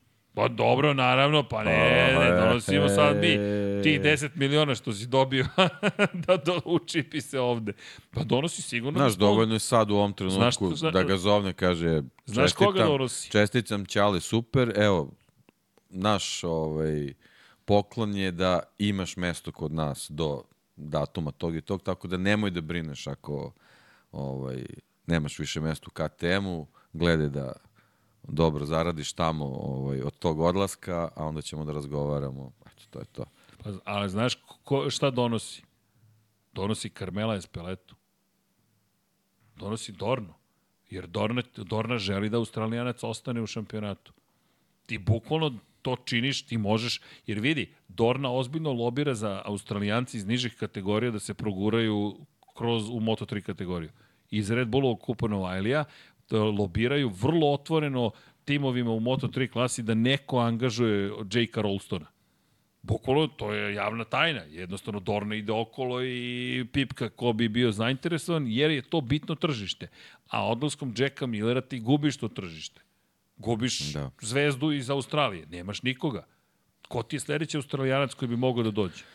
Jedino što je ovaj, cela, cela ovaj situacija loša za, za Diđu ako se to desi, sezona već odlazi, nemaš ni Superbajku mesta, nemaš ni, eto, to je... To je pa šampionat Evrope. Mizano je bila prilika da se bukvalno sve već saopšti, ne, ne znam zašto se eto te neke situacije ne rešavaju, ali mislim da je to zbog Markeza. Ja, isto. Od trenutka kada on bude saopštio kreće lavina i možda ćemo taj dan sve znati. A to je ta Puigdemonova fer, sve, teorija, da, da. Gresini čuti sada što bi sada saopštio s kim je potpisao ugovor kada svi spekulišu da će preći kod njih. Ti koliko puta se ponovio Gresini zahvaljujući tome. Čuti, čekaj, baš te briga. A imaš motocikl koji svi žele. Šta, neko će da odbije Gresini Grand Prix 23 Ducati. Nema teorije. I to ono što su i oni rekli, mi smo poželjna ekipa trenutno. I imamo taj luksus da mi sada biramo vozača. Jer oni biraju vozača. Nije Gresini u stanju Posebno oče. Posebno vozače koji treba da spasu karijeru. Tako je a to ti je vrlo poželjno. Manje ih platiš, donosi iskustvo, donosi potencijalnu i brzinu, rizik je relativno mali, imaš Aleksa Markeza kao vodećeg čoveka u ekipi, druga godina će biti njegovo u timu, dobijaju i oni neku vrstu stabilnosti, dvostruki šampion sveta, sigurno će pobediti još negde, da li u sprintu, da li u glavnoj trci, desit će se još neka pozitivna trka sigurno, ti si rešio problem. Aleks sam po sebi povlači sponzore, pa povlači sponzore. Još ako povuče batu, i haj, ali ako ne povuče batu, Eto ti ga Jack Miller kao rešenje. A, ovo sam, baš sam zadovoljan, moram ti priznati. Sad Carmelu e-mail. Dear Mr. Espeleta. Halo Bing, kako brat? Možda, Cijena se, po, možda se poznajem, možda ste me sreli. ne, ne, vidi, ja mislim da bi to bilo spektakularno rešenje. Stvarno, pazi, to bi se sve kockice onda sklopile. Imaš sve što možeš da poželiš. I vozi dalje vozi dalje bukvalno pre čemu RNF Aprilija, pretpostavljam da se nastavlja saradnja sa Olivirom. Inače bi Olivira, inače bismo Oliviru mi slali u Gresini. Kao što smo prošle godine spekulisali, jer imaju, kao što si ti lepo rekao, Oni portugalski, portugalski sponzore. da. Jeste. I to ti je to. Dobro. Ovo sam zadovoljan kako smo ispali. Dobro, Deki, super. Znam da super. si... Kako? Fantasy. Ne, ne, o, da, da, da. E, šta fantasy, pa to sledeće nedelje, šta? E, samo fantasy. Ne, ne, fantasy samo da podsjetimo... Aha, aha. Da podsjetimo, uh, da podsjetimo ljudi da igraju fantasy svakako. A, dobro, dobro. Ja sam Vinjalesa, nekog sam bio otpustio, se neće da, Marka, Ma da, ovo je sad sve ono, na, na čistu sreću, sve zamene ili, ja mislim, ne znam, ja neću dirati ekipu. Kaže, rollback mi nudi, nudi mi rollback. Da li vratim Aleksa Markeza? Bio sam ljut na njega. Za? Za Indiju. Ne, ne, a ko je... Maverick Vinales. A pa ne znam. To ne bih. Ne bih ti se mešao u tu ovaj, rabotu. Da, da kažem ti, mislim, ovo sad je, sad je loto. Mm, ajde, dobro, ostavit ćemo. Pa, ako uspe, to ću da pripišem deki u moje uspehe. Pa, ako to je ne činje. uspeš, ja sam kriv. E, a ti si sada četiri pozicije ispred mene, je li tako? Sad ti raste pritisak u da li, pneumaticima. Da, da, da li da ti verujem zapravo kad mi savjetuješ da ne vratim Aleksa Markeza? da li si ti sada Carlos Sainz? Usporavaš me da bi pobedio. Sad ulazi sumnja u tvoju glavu. Mator sa Nećeš suviše. moći da spavaš. Znaš ko mi je to radio? Moj drugar Vladimir Dimitrijević, poznati kao Ciga, čovek koji je, ne zamerite, to je ta nadimak star 40 godina, toliko smo matori i ovaj mama ga tako zove, tako da je to više od nadimka, to, to, to, to, to, to se izgubilo se i kako mu je nastao nadimak, ali koji igramo stoni tenis i on mi govori, sad ćeš Erceg da izgubiš, sad ćeš da vidiš tvoj sledeći potez je po, će biti out i, i takve stvari. I, znaš, kad tako te troluje, ne, ali kod većine ljudi to mu uspevali, pošto se mi znamo predugo, gledaš ga, znaš, cigo što pričaš čoveče, šta ti je da igramo stoni tenis? Ajde, ajde, znaš da ćeš da izgubiš. Ti znaš da mene niko ne može da pobedi i slično, tako da pelcovan sam na, na, A, onda, okay. na, na, tu situaciju, ali vidim taktiku. Ali vidim da si sam krenuo da, da, da već ovaj, da, da sumnjaš u svoje odluke. onda je to okej, okay, ja ću da nastavim da te trolujem e, inače, Mesija je vodeći u e, našem, našoj zvaničnoj Moto Grand Prix ligi. Da li treba ponovo, kao i sinoć, da skidam pehar, da vas podsjetim da pehar iz prethodnih sezona stoje. Deki vrti glavom, pošto stvarno, ljudi, pehari su tu Mnogo su lepi, mislim, hvala vam što ste ih ostavili kod nas, ali... Mislim, izložit ćemo ih mi na trećoj strani Tre, trećoj strani univerzuma, bit će izloženi, ne, ali... na trećem kraju univerzuma. Nekako, treba budu kod vas, ne treba budu kod nas. Činjenica. Realno. Da, to, to je vaše. Elem, Mesija, ako osvojiš, molim te, uzmi pehar. Jog Bogdan drugi, takođe, uzmi pehar. Škoda Fabija, takođe, uzmi pehar. Lemi 46, Team Music 9, Adam Međica VR 46, Pop Desmo Pavi, Vranje, Evil Eddies. To je vodećih 10. Tu je Ladna voda, Agent 007, 1.6.09 je 13. Kostići su 14. i Ordanić 1 je na poziciji broj 15. To je Fantasy. Zvanična liga Lab 76 MotoGP. Imate i u opisu videa, samo kliknete i odvede vas na Fantasy, a imate i kod za svaki slučaj. Ja sam 505. 505 sa crtom. Pratim tebe, pošto ne znaš ni šta je 505 sa crtom. Naravno. To su bombone. Te bombone znam. A, najzad nešto što znamo. Opa, to vam kažem. 505 sa crtom. Da, to su bile redke advertising momenti. Evo da vidimo. Mesio i ja pobeđujem, tako ih neće osvojiti Srki. Dobro. A, čekaj, Boško, znaš šta sam gledao pre neki dan? Aha, ovo su pet utakmica Real, peta utakmica Real Partizan. Znaš da sam ja... U drugom su sportu. Da, da, nemoj me podsjećati, dobro. Srki sutra, o, Srki Sura odbira viza za Indiju, evo. Dakle, Alberto Sura odbijena viza. Takmičenje je neregularno. Dakle, Alberto Sura je ostao bez vize. Da li je to realno? Ajde vidim. E, jeste sigurni... E, nisam to video nigde. E da, imam potrebu nešto da spomenem ljudi. A to je da je, čekaj da vidim, možda je na Twitteru Simon ili neko tweetovao. Dakle, aj sad da ispratim. Da sve bude u crvenom plus španska zastava na stolu. Mladi bož... čekaj, samo da vidim.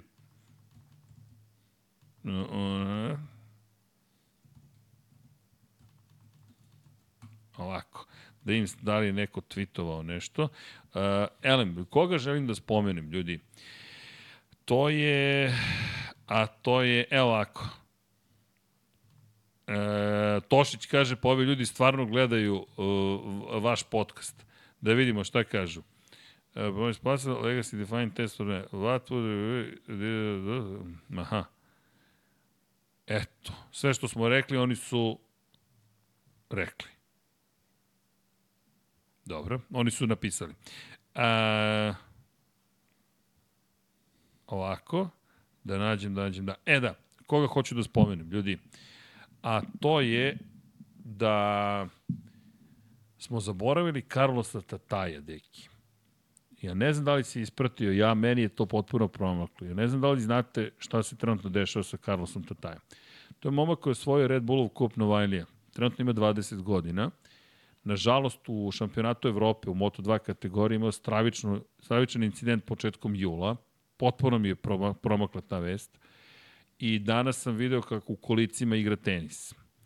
Imao je tešku povredu kičme, kičmene moždine, I samo želim da napomenem, nije, ne, ne volim sumorne priče. On se dečko bori, ali nekako mislim da je pozitivno da ga spomenemo, jer koliko god eh, je to možda minorna stvar što ćemo ga mi spomenuti i poželiti mu nešto pozitivno i poslati neku pozitivnu energiju. Kada govorim poslati, verujte, nisam otišao, nisam zastranio, pa sada verujem kako zrak energije odavde odlazi Carlosu Tataju, ali duboko verujem da da, jel te, treba spomenuti neke stvari čisto da, da ne zaboravimo ljude u momentu kada možda nisu u fokusu.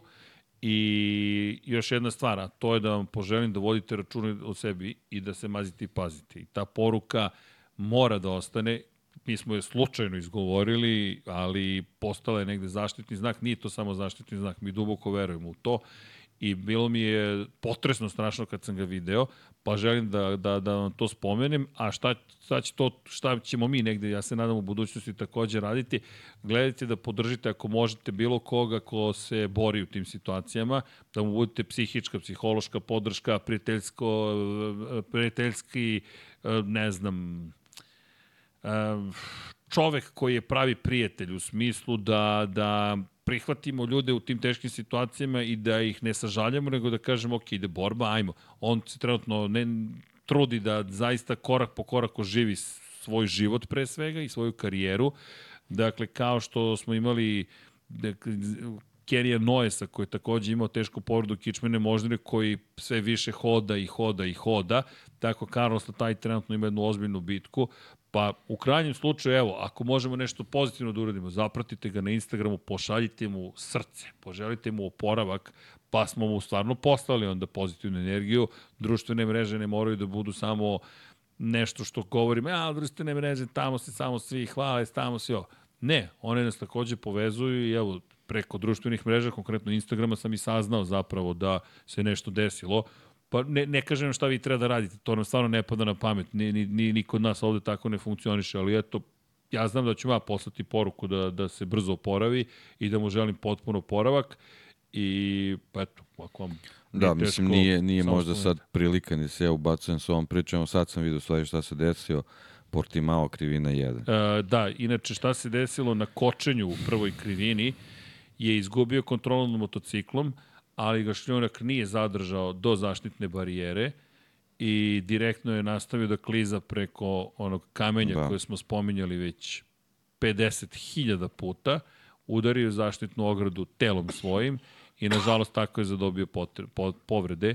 Nije smelo ni da se desi da dođe do zaštitne ograde, ali Portimao postoje za mene neprihvatljiva staza. Deki je, ne znam, šta ti misliš o tome. Pa ne, ne, ne, ne znam šta treba da se desi. Stavno, ali uh, automobili koji sleću na publiku, srećom nikog nije bilo na tribinama,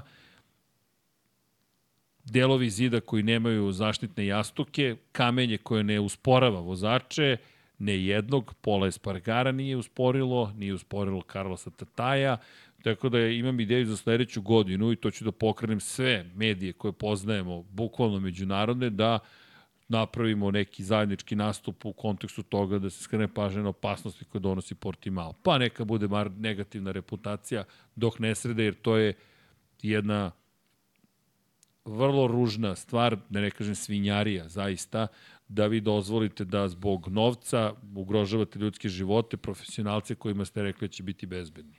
Tako da, ali samo ono što želim pozitivno, eto, Carlos Tataj, 99 broj, vozio je i prošle godine za CF Moto, osvajao titule, bio je i u Kodaja, svašta je nešto pozitivno uradio, klinac je i dalje u pitanju, pa eto, da zna da ga tamo neki ljubitelji motociklizma vole. U krajnjem slučaju ovaj motocikl, ljubitelji motociklizma će mu poslati malo ljubavi, pa nije to zgorek čuti tamo s neke, iz nekih država koje možda nije ni znao. Ovi da odavde svi prati. sigurno. Tako da znate. Eto, to, to, to mi je palo na pamet jer stvarno mislim da je naša odgovornost u krajnjem slučaju da skrenemo pažnju na te situacije. Ne samo, aha, nije, ne vozi više u svetskom prvenstvu, pa koga šiša otprilike, nije pred kamerama. Ajmo da budemo malo bolji od toga. Tako da ne zamerite što je tako ozbiljna tema, ali ono što smo vam obećali pre 3-4 godine, nećemo bežati od teških tema. U ovoj situaciji čak nešto i možemo pozitivno da uradimo. Tako da eto, da znate prosto gde je Carlos Tataj. Baš me potreslo, moram, moram ti priznati, deki, gledam dete koje, koje, koje, koje pokušava ponovo da hoda i gledaš storiju u kojem on stoji i kaže korak po korak, nogi mu se ne pomeraju. Stoji, drži se ovako, ali pokušava da, da svoje nerve ponovo nauči da, da funkcionišu. A i podsjetnik kada nam je jel te, težak dan, možda i nije tako težak. Ne volim ta poređenja, ali kažem, ajmo da neku pozitivu da napravimo iz cele te priče. Eto. A Portimao, zla staza. Zaista, sad već postoje zla staza. To stvarno ja ne znam. Zbog Jorge šljunka. Martin pre zbog prošlog, zbog šljunka. Ej, ti ga ni ne rastreseš. Ti dozvoliš da ne bude rastrešen. Ti imaš kamenje umesto šljunka. I to godinama sad već traje. Banja je prošle godine donosio kamenje u pres centar, ne ove godine. Prošle godine Jorge Martin, ne, je li prošle ili pretprošle? Pretprošle. Pretprošle. U malo glavu nije izgubio dečko. I mi dalje nemamo nikakvo rešenje za to. I prošle. Nemamo da se setim. Da. Deki. Mnogo je trka, stvarno. Pretprošle, pretprošle. pretprošle. Da, mnogo je, mnogo stvari. Pa i podcast je broj 344. Eto, ne zamerite A, što... to je tačno. Ali mislim da, da, da nema šta da, da, nadam se da mi zamerite. Prosto, stvarno, mi imamo ne, neki super, ličan odnos setio, prema... Hvala za to, da. Da, ne, prosto danas slučajno mi je izašlo gledam Karosta taj razmišljam, molim, i nije igrao tenis, Patel je igrao, ali nevažno, vidim u kolicima, razmišljam, čekaj, čekaj, čekaj, i onda počnem da istražujem i dođeš toga, imao i ozbiljnu operaciju posle, posle trke, baš je bila dramatična situacija. I eto, momak od koga se očekivalo da se bori za titulu šampiona sveta, baš je bio talentovan, Carlos je stvarno super vozio Red Bullom kupu Novajlija. Ja mu želim da, mu, da se vrati na motocikl i da nastavi da stvaruje svoje snove. Eto, to je to. Ajmo na neku pozitivu, deki. Baci neku pozitivu. Mada je ovo sve deo života, nema tu šta, ne bežimo od života.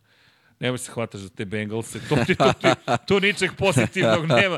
Uhvati se deki za tigrića, ne boj se ti ništa, ne boj se ti ništa. Šta ja da kažem, ja sam ostao bez quarterbacka. Čekaj, ti razumiješ, ja sam ostao bez celog... Zato si ti u zelenoj majici. Trolujem. podrška, podrška, neka. Podrška, super, super. podrška. Evo, ja imam naranđast nos. Čekaj, molim te, vrati Vlado Kadar. Nismo...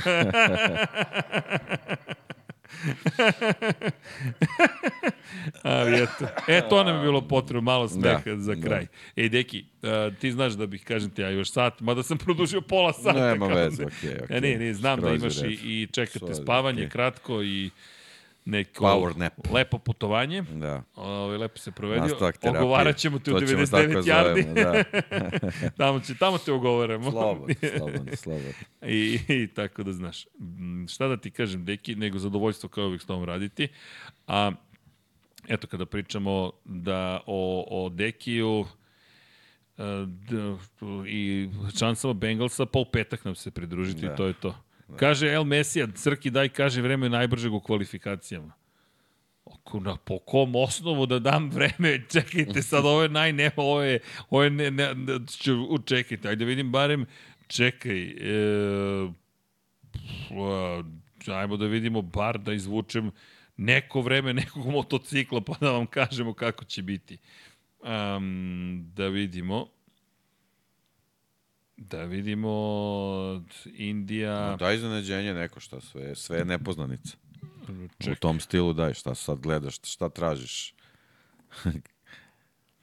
Samo, da, to nismo rekli, mislim, izuzetno dugačak krug. Znači, skoro 5 km. Da. A mislim, dobro. Sad. Pa ne, vidim ja vremena koja su tu pravene, znači to će biti minut 40, recimo 45.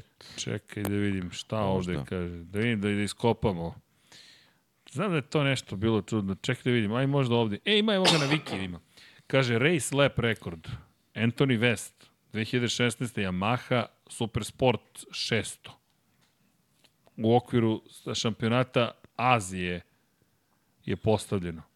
1.55, 8.55. Znači, Pozi, Anthony West, des, de, Ant koliko West Koliko skidaš, 15-20 sekundi? pa nemam pojma, ja. ajmo, koliko ćemo. Anthony West, čovjek ima 42 godine sada, seća se kad je bio klinec koji imao... Pa dobro, kad je to bilo?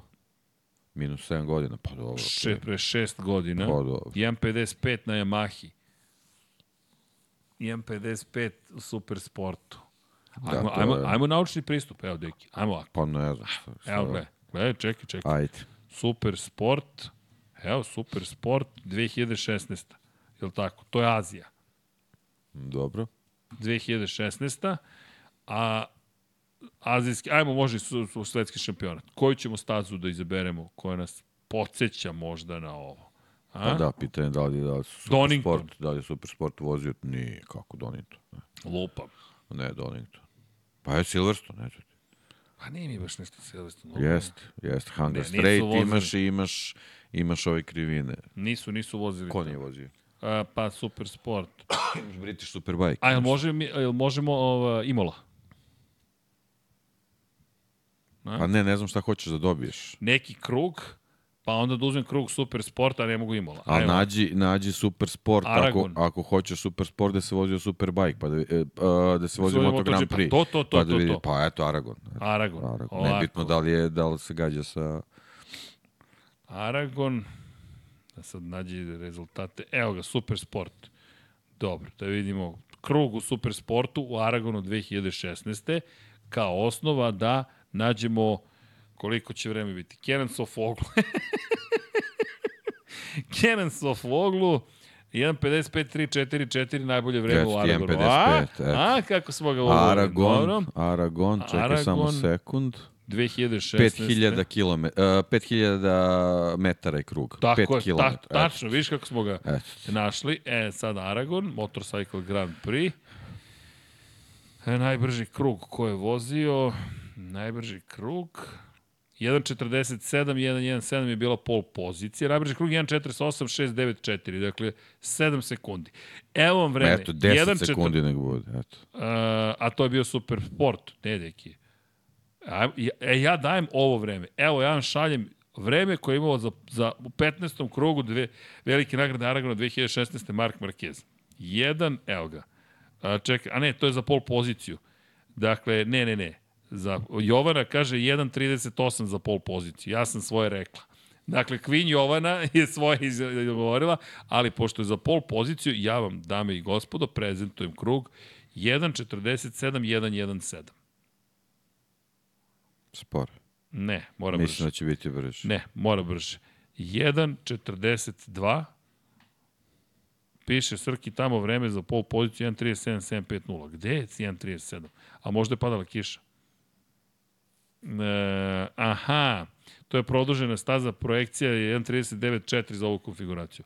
Pa eto, Evo- 1.40. Evo, Jovana je rekla to. 1.37.117. Ja ću bandwagoning da opalim i da kažem 1.37.117.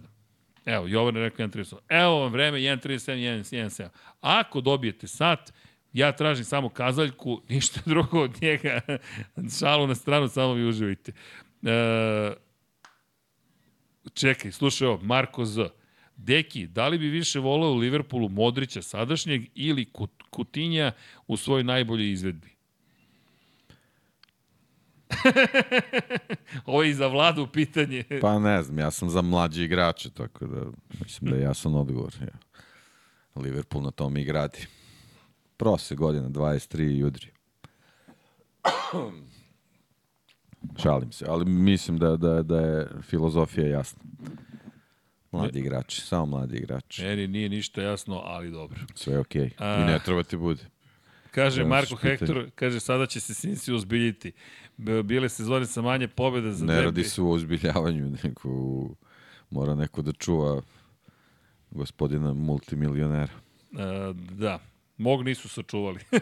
Moj je čao, ali dobro. Samo mu želim brzo porak. Potrošiš puno para na quarterbacka, ne potrošiš ništa na ljude koji treba da ga čuvaju.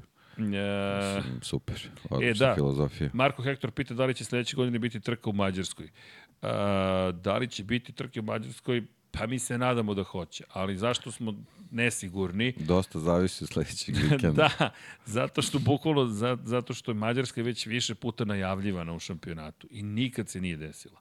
I, i čak ni Gabor Talmači kada je bio svetski šampion nije moglo nije moglo da izvede da do, e, da da dobije da se da Mađarska dobije tu trku. Ali koje su razlike? Prvo ako Indija se ne održi, to je prva stvar koja će pomoći Mađarskoj i druga stvar Brno više nije na kalendaru. To je takođe pomaže. Dakle, gubitak Brna ogromna šteta za, za sve ljubitelje motociklizma i za grad Brno ogromna šteta, za Češku republiku, ali političari su svoje rekli, nažalost tako kako su rekli, i sa druge strane sada kada govorimo o Mađarskoj, pa ajmo treću stavku, hoće li staza biti zaista spremna? Jer prošli put je nisu ni, ni, nisu ni počeli da je grade u momentu kada je već trebalo da bude deo kalendara. Tako da imate tu baš puno problema. Z zašto ne možemo da vam garantujemo. Ali A zaista se ekonomija nadam da baš hoće. ne cveta u, u Pa, da. mnogim zemljama, tako, Tako da je. nije svima do Moto Grand Prix, nažalost. Ne. Evo neko ovde kaže Remy Gardner umesto Fabio Di Antonija. Bilo bi lepo, ali Remy, bojim se da je ba, izgubio, izgubio svoju šansu. E, kaže, zadnji pravac, on je dugački do pola, nizbrdo, od pola uzbrdo, visinska razlika staze 193 metra. Stvarno? To, to je super, to je ozbiljna razlika u nadmorskoj visini. 193 metra. Wow, čekaj da vidimo. Um, Indian GP, dobro. Elevation, da vidimo, Indian Grand Prix. Moram priznati da ne znam za mm, za pr- nisam znao da je toliko velika razlika. Zapravo, moja greška. Tilki inače sagradio ovu stazu kada se bavimo toliko stazom, ali To je baš čudno. Nije mi Da je tako u tom izgledalo. periodu Tilke gradio stazu. da, da, da, da, da. Ali moram priznati da... Maksimalna elevacija 14 metara. Pa da, tako mi delo. Da nije baš... Eto, 14 metara. Dobro. Ovo što sam ja našao. Ajde da vidimo. Evo da proverimo i sa druge strane. Ali ja ne vidim, ja nisam to video, ma onda je simulacija baš loša odrađena ukoliko je to slučaj. Ne verujem da su baš toliko loše odradili. Ajmo da ugasimo. Ne, da je tolika elevacija, ali Šespargaro pobeđuje. Ali Da. nije. Ne, nije. Delo je da, da, stvarno kaže 14 metara je ovo što sam ja našao. Da, ja sam Ali na nekom indijskom sajtu piše da je mas, maksimalna visinska razlika 14 metara. Da, ali to kažu da je taj, zapravo ta krivina je visoka 14 metara. Od krivine 1 do krivine broj 3.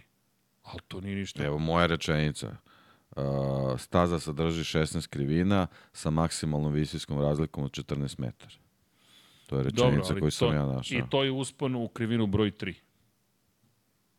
Tako kaže. Bukvalno da od prve do treće krivine uspon, dakle, skretanju desno pa levo kro- kroz onu krivinu broj 2 gore, da je to I 14 vraća metara. se na nulu i to je to. Pa dobro, 14 metara, to je nekih, ajde da kažemo, 5 spratova, ni to malo, ali Pa dobro, pitanje pod kojim nagibom je. daj koliko traje to, ali mi ne liči. Da, okej, okay, vidiš, zaboravio sam da... Evo, da, ovo, ovo je, kažem, na indijskom sam nekom sajtu i to je jedino gde se spominje bilo kakav kakva uzbrdica i nizbrdica. To Evo, to. našao sam izjavu VJ Malije da je to divlja krivina iz 2010. i da će tu biti izazov veliki za vozače da se popnu tih 14 metara i skrenu desno. Okej.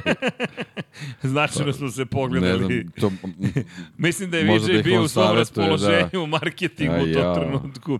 Da je VJ zapravo hteo da, da kaže da će to biti... ako su na leru, da, možda je problem. Ali vidiš, novi Austin možda.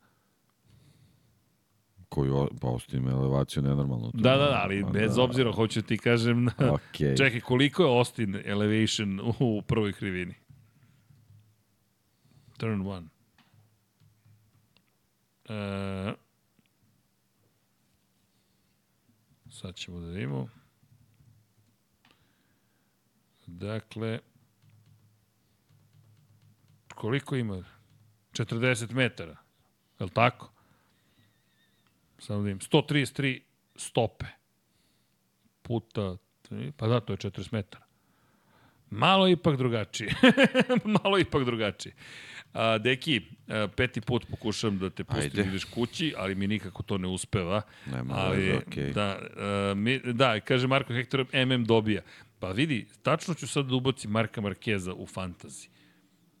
Pa ubaci. Tačno ću da ubacim Marka Markeza, dakle, vidi, sad kad... Igrajte se ljudi, šta, slobodno. Od, od, od, Deki odgovara ova moja igra. Pokušao da mi pobegne, ali ne, vidi. Deki, samo ću ti reći ovo moja ne pobeda, nego sad ću u fantaziju skočim tamo među, ali ne, ne da mi da, da izbacim, da izbacim Vinjalesa. Aha, ne, kliknuo sam sad na njega, pa sad mogu da vidim da imam pare za Markeza, on bi sad trebalo da je jeftin. Si dobro, deki? Drž se, deki. E, da, ne, zato što sam tradeovao, aha, ne, evo viš. Alex, čao, i upada Mark, to ti kažem. Enea mora da se isključi zato što ne vozi čovek. Dakle, to nema. I stavit ću Miguela. Confirm trade. Mark i Miguel. Ej, Mark Marquez milion i 800, Miguel Lira 2,5 miliona. Čekaj, ovaj screenshot moram da, da, da zabeležim. Mislim da će to da se pamti. U svakom slučaju, ajmo da vidimo da li će Honda da zabeleži drugu pobedu ove sezone.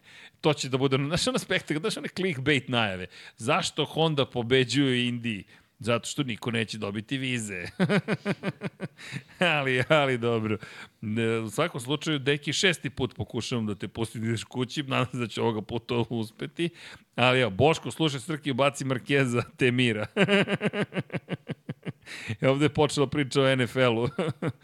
E, taj, iza KTM gitara. KTM-ova gitara, ready to race.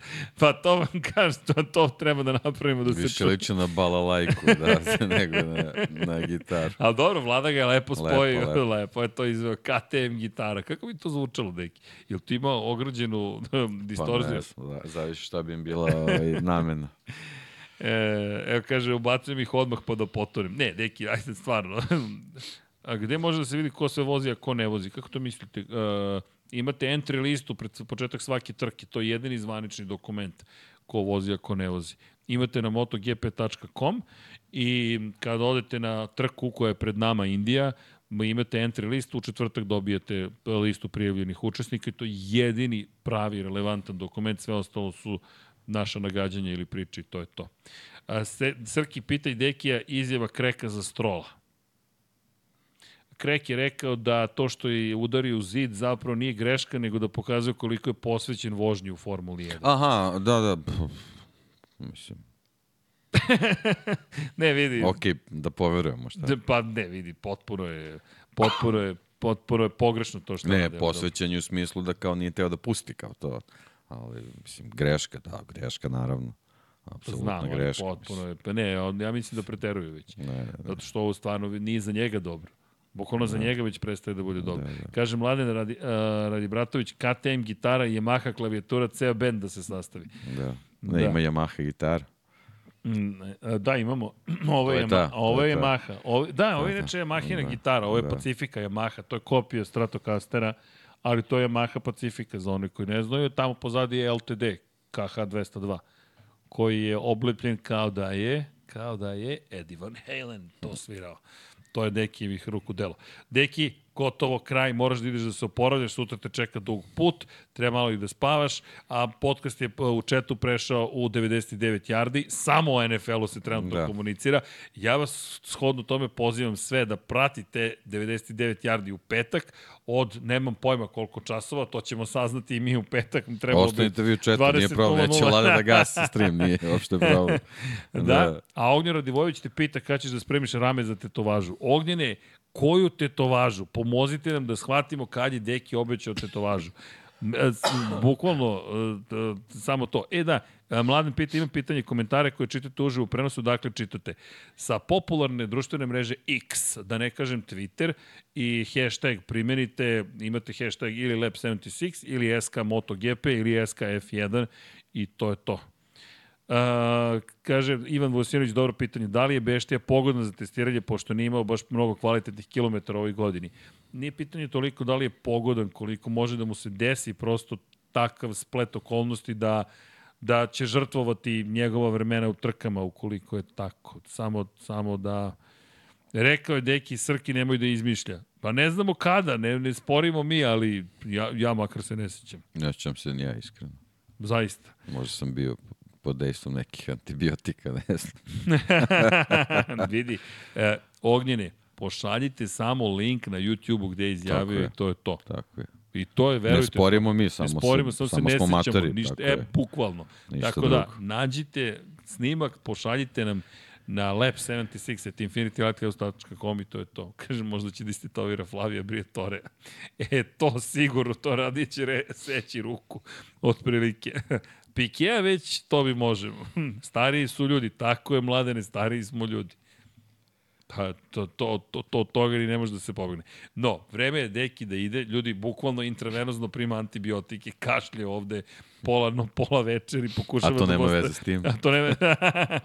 pa, po, ne, po... ovo je čist, mislim, ono, A prema Zapuše sinus, kad se otpuši, krene dole i ne može, ne može da se priča. Eto, samo to nije to Ništa spektakularno, right. ali verovatno su alergije. Right height ti se pokvario. Pošto ovaj, u gradu je katastrofa sa alergenima, tako da... To je to. Inače, znaš kako, šta je primetio čovjek? Kaže, čekaj, kaže, Tolet 42, kako Marquez gleda u Ducati na stolu?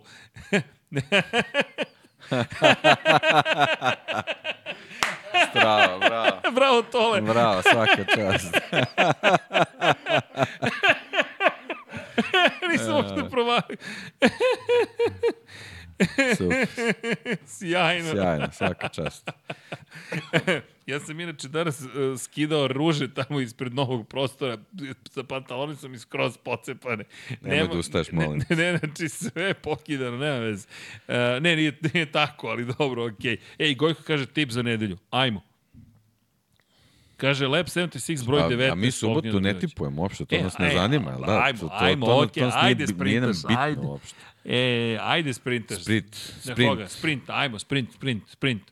Brad Binder. Brad Binder? Da. Brad Binder. Trka. Mm, dobro. Miguel Oliveira. A, dobro. To je jače od mene. Ne? Brad mislim da, Da. će biti dobar, ali Martinator pobeda u sprintu Dobro, i Marquez pobeda u glavnoj trci. svaka čast. To. Eto. Jesam tako Sad rekao smo u baš fantaziju. promešali Da, da, ovog puta idemo baš, evo, evo, evo, vas dvojica, vas dvojica na svoju odlepili. Da. A, O, ishalapili. ne, Ja imam opravdanje, ti se Ja snađi. nemam, ja- ja imam, ja, Ja, sam... imam od osnovne škole ruka, opravdanje.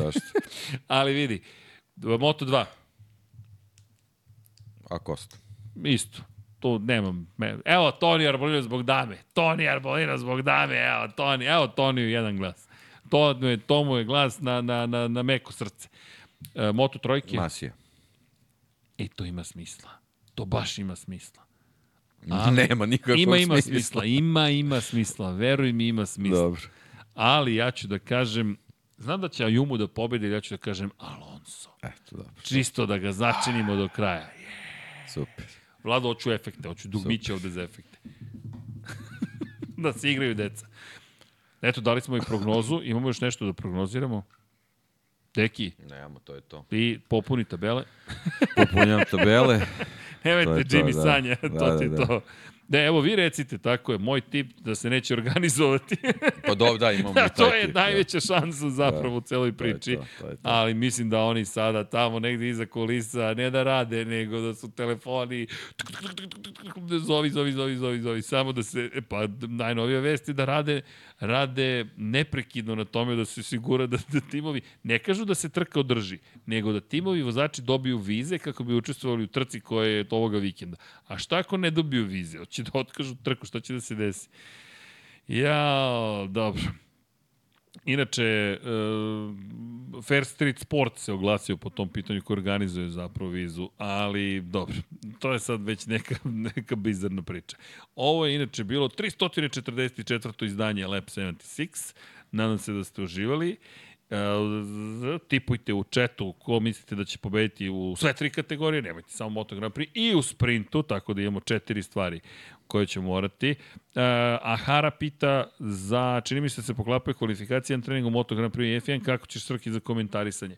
Obično po dispoziciji koju dobijem Formula 1 ima primat, osim kada je u pitanju zapravo nema šta, uvek je Formula, jedino ako je trka neka u toku u Moto Grand Prix-u, što sa sprintom ove godine može da se desi, onda prioritet ima Moto Grand Prix. U suprotnom, Formula 1 uvijek ima prioritet. Tako je uredništvo zapovedilo što kažu. E sad, naravno, nas će Džanki da nam bude zdrav. Ukoliko ne, onda sam na Moto Grand Prix-u non stop, pa je na Formula 1, ali mislim da ćemo imati poklapanje za trku Formula 1 samo sa jutarnjim treninzima, što nije toliko strašno ukoliko se nešto ne desi. To jest ukoliko ne budem komentarisao. Ajmo, Srki gasi da ne izgubimo Dekija. ne. Uh, Moto2 počinje u 7.15. Moto2 počinje u 7.15. Ste sigurni? Ma nije. Pa sad malo pre smo gledali da ne počinju tako rano. Grand Prix Indija u nedelju nije Moto2 trka počinje Boško u 10.15. To možda po ne znam koje vreme ste gledali. Nije Boško, ne, trka ne, ne, nema poklapanja. U nedelju je Moto2 je u 10.15. Velika nagrada Indija, ajde provjerim još jednom, sad sam se zbunio. Nije ljudi, ne, ne, ne, Boško, bez brige, u 9.00 počinje Moto3 trka, u 10.15 Moto2, u 12.00 Moto Grand Prix, a Formula 1 kreće u 7.00, tako da je sve kako treba. Bez brige. Uh, Jonathan L. pita šta se dešava sa Getom. E, ne znam šta da vam odgovorim, iskreno, ali pitaćemo Čika Džankija, mislim da priprema nove goste, držimo palčeve, ali to je to. A, u svakom slučaju, e, zaista, da znate, Džanki sve prati, ali mi mu se baš ne mešamo u uredničku politiku, pošto je point da to bude njegovo autorsko delo, mi ga podržavamo, studijemo na raspolaganju kad god hoće, tu je vlada, tu je deki, tu smo svi, baš se nadamo da će nastaviti, zato što ovih prvih 10 epizoda bilo baš lepo. Tako da znate. Srki je obukao zelenu majicu za dobar početak Green Bay. E, tole je za New York Jetse, ali to, to, to je neka druga priča. Be- Bez Arona smo i loše izgledamo bez, bez Rodgersa. Zach Wilson je drag čovek, ali što bi rekao, deki, kakve to veze ima sa, sa sportom i tako. Evo ga, mlađen kaže Cartararo, Binder, Arbolino, Olgado.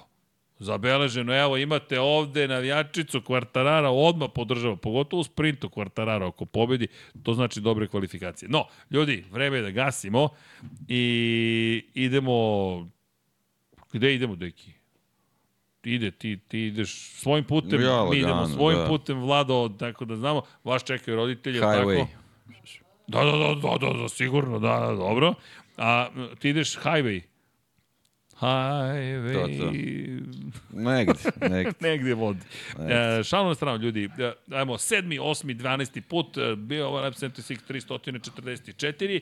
Deki je pregurao nekako, pretekao je, tako da znate, pozdrav za damu, dobiješ odavde od mladena, pozdrav za navijačicu Maše, navijačica Dama X, tako je zovemo još tri godine, pa onda ćete saznati možda kako se zove. U svakom slučaju, ako nas budeš pratila još uvek, ali naravno, pa, na, pa naravno, to volim da čujem. Vlado, hvala ti za sve čekam Patreone, popravili smo nešto što sam ja obrisao i e, kada ti neko kaže kupit ću ti motor, samo pokažem koji bi to bio isto pit. Da pokažem, da mi neko kaže kupit ću ti motor. Pa ne, ja imam motor Aprilis 97 od 125 kubika dvotakno. Mo, molim vas. Tako da je to rešeno. Idemo polako li sigurno da se zahvalimo svima. Pre nego što krenem, shop.infinitylighthouse.com možete da kupite majice, dukseve, Nadam se i kačkete u neko dogledno vreme ponovo. E, knjige takođe, i knjige stižu, stižu i sajmovi knjiga, bićemo i u Zagrebu, bićemo i u Puli, bićemo i u Beogradu. Sledeće godine se nadamo u Banja Luci, Sarajevu, gde god nas pozovete, nemam pojma gde će se biti, Novi Sad ponovo. Svakako, patreon.com kroz Infinity Lighthouse, ko ovo želi da nas podrži, podrška nam treba, više nego ikada, verujte. Obećali smo da ćemo sve pare potrošiti, sve smo ih potrošili. Dakle, selimo se u novi prostor, nova oprema, novi ljudi, svašta se nešto dešava. Pozitivno je, super smo raspoloženi, hvala vam za svu podršku, kliknite like, share, subscribe, budite sa nama i naravno, družimo se nam uz Moto Grand Prix tokom vikenda ako bude velike nagrade Indije, ako ne, pa malo ću više da spavam. Eto, to je sve što pametno mogu da kažem, ali verujte, radije ću da ne spavam, samo neka se desi trka. Ovo je bio gospodin Dejan Potkonjak, kojeg ćete vidjeti za 8,5 minuta ponovo, nadam se, ako ne pobegneš umeđu vremenu. Ma, to, si to, dobro, dogovoreno, a mi, Vlado, da se zahvalimo ove, o, ovoga puta kako doliko našim patronima i pokroviteljima uz e, Superman temu ili koju već je Petar smislio, nije baš muzička tema, ali tako izgleda jer ste vi svi super Vimini i Supermenovi. Jel može tako? A sam ga umnožio, kombinacija. Jedan, pali! Alen Stojčić, Milan Milašević, Vladimir Filipović, Miloš Broćeta, Crnogorski džedaj, Stefan Ličina i nije snimak, Bojan Markov, Nenad Simić, Katarina, Ognjen Ungurjanović, Lep 76 344, Stefan Radosavljević, Antonio Novak, Dušan Ristić, Luka Savović, Aleksandar Jurić, Vladimir Petković, Nemanja Zagorac, Sean Hing, Mirena Živković, Deus Nikola, Živojin Petković, Nikola Marinković, Bahtjar Abdurmanov, Đole Bronkos, Đorđe Andrić, Branimir Rijevec, Luka Klaso, Nikola Božinović, Anonimus, Donatorus, Žarko Milić, Marko Petrekanović, Dejan Đokić, Marina Mihajlović, Miloš Rosandić, Nikola Grujičić, Mlađan Antić, Ivan, Novak Tomić, Ivan Simeunović, Vladan Miladinović, Kovačević Omer, Stefan Vidić, Luka, Nedim, Vlada Ivanović, Aleksandar, Predrag Pižurica, Martin Gašpar, Stefan Vuletić, Milan Paunović, Milan Apro, Đorđe Milanović, Stefan Nedeljković, Nedim Drljević, Monika Erceg, Goša 46, Zoran Majdov, Miloš Bandoka, Marko Bogavac, Milan, Mario, Jelena Komšić, Andrej Božo, Armin Durgut, Marko Ćurčić, Strahinja Brajanovski, Mario Vidović, Mihajlo Krgović, Danijela Ilić, Benđo KK, Andreja Miladinović, Predrag Simić, Blufonac, Đorđe Radojević, Ružica Stefanović, Bojan Majstorović, Jasenko Samarđić, Marko Mostarac, Aleksa Valter, Životić Jovan, Anonimus Donatorus, Mihovil Stamičar, Ante Primorac, Zoran Šalamun, Boris Kujundžić, Aleksandar Radivojša, Nemanja Jeremić, Nenad Đorđević, Marko Horg, Ivica, klub štovatelja Ramona Mireza, Inzulin 13, Branko Bisački, Đole Čisjed, Ognjen Marinković, Nemanja, Milan Kića, Mladen Mladenović, Darko Trajković, Stevan Zekanović, Stefan Lešnjak, Nebojša Živanović, Marko Marković, Kristijan Šestak, Ivan Maksimović, Marko Kozić, Igor Jankovski, Matija Rajić, Toni Ruščić, Branislav Dević, Andreja Branković, Lazar Pejović, Laslo Boroš, Ferenc Laslofi, Aleksandar Milosavljević, Ivan Rebac, Dušan Delić, Lukas, Marko Radanović, Strahinja Blagojević, Zoltan Mezeji, Marko Kostić, Petar Nujić, Mladen Krstić, Igor Vučković, Ivan Panajotović, Andrej Bicok, Sava Dugi, Gloria Edson, Zorana Vidić,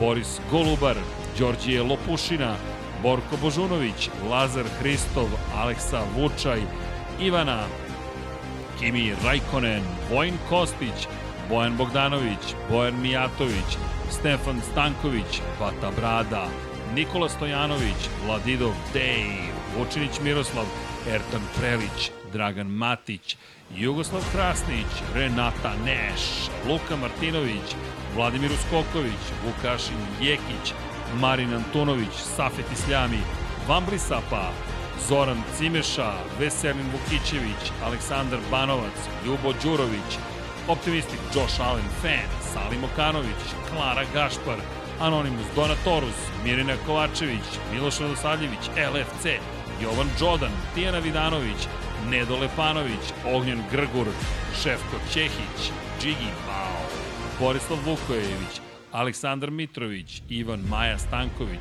Đole, QB4, Tina i Ilija, Jugoslav Ilić, Stefan Milošević, Ivan Toškov, Stefan Prijović, Aleksandar Bobić, Matej Sopta, Pavle Nj, Da žena ne sazna, Boris Erceg, Dušan Petrović, Lj. Đurović, Alen Vuletić, Miloš Vuletić, Danka, Zlatko Vasić, Emir Mešić, Ivan Ciger, Jasmina Pešić, Nemanja Miloradović, Branislav Kovačević, Milan Nešković, Damjan Veljanoski, Denis Špoljarić, Šmele, Ivan Rečević, Nemanja Labović, Bogdan Uzelac, Stefan Dulić, Andrija Todorović, Nenad Ivić, Stefan Janković, Dimitrije Mišić, Nikola Milosavljević, Jelena Jeremić, Aleksandar Antonović, Aleksandar Čučković, Miloš Rašić, Dejan Vujović, Aleksandar Anđelić, Luka Maritašević, Srđan Sivić, Branislav Marković, Ivan Milatović,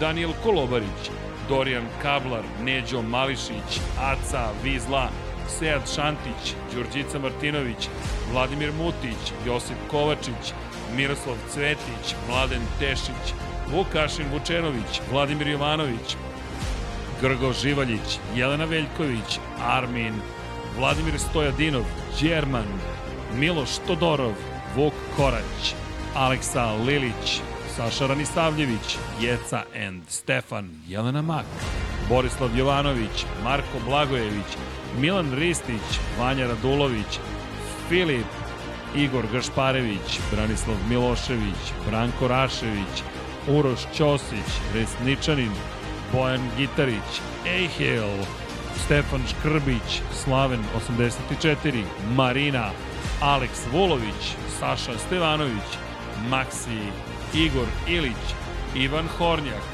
Future Graciano Rossi, Branislav Dević, Jelena Jeremić, Domagoj Kovač, Krorobi 00, Bakadu, Alen Jesenović, Ivan Božanić, Nikola Vulović, Zlatko Marić, korespondent, korespondent, Goran Mrđenović, Mađar 007, Vlada Ivanović, Miloš Zed, LFC, Nikola Božović, Nemanja Bračko, Vladimir Subotić, Vladimir Vujičić, Ivan Magdelinić, Nikola Grđan, Škundra, Din Stero, Milanka Marunić, Ivan Vujasinović, Ljena Milutinović, Mateja Nenadović, Marko Bogavac, Dejan Janić, Vladan Miladinović, Tomić Miloš, Uroš Čuturilo, Ivana Vesković, Pavle Lukić, Aleksandar Kockar, Divlji Bučak, Blagoj Ačevski, Đera 7, Marakos, Igor Ninić, Sejdo Mujčić, Nemanja Miloradović, Anonimus Donatorus,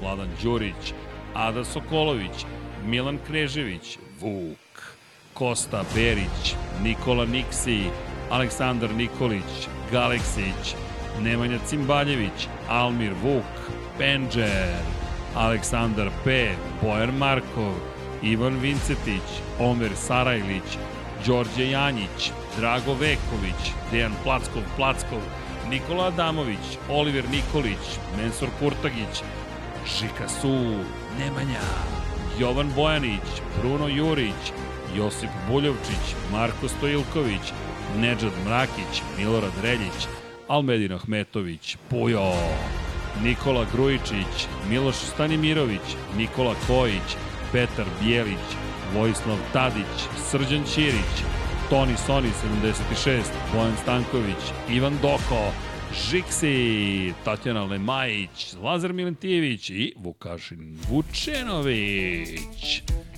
Pam, pam, pam, pam, pam, pam, pam. Evo, dobio sam mini aplauz. Yeah! Udarite like.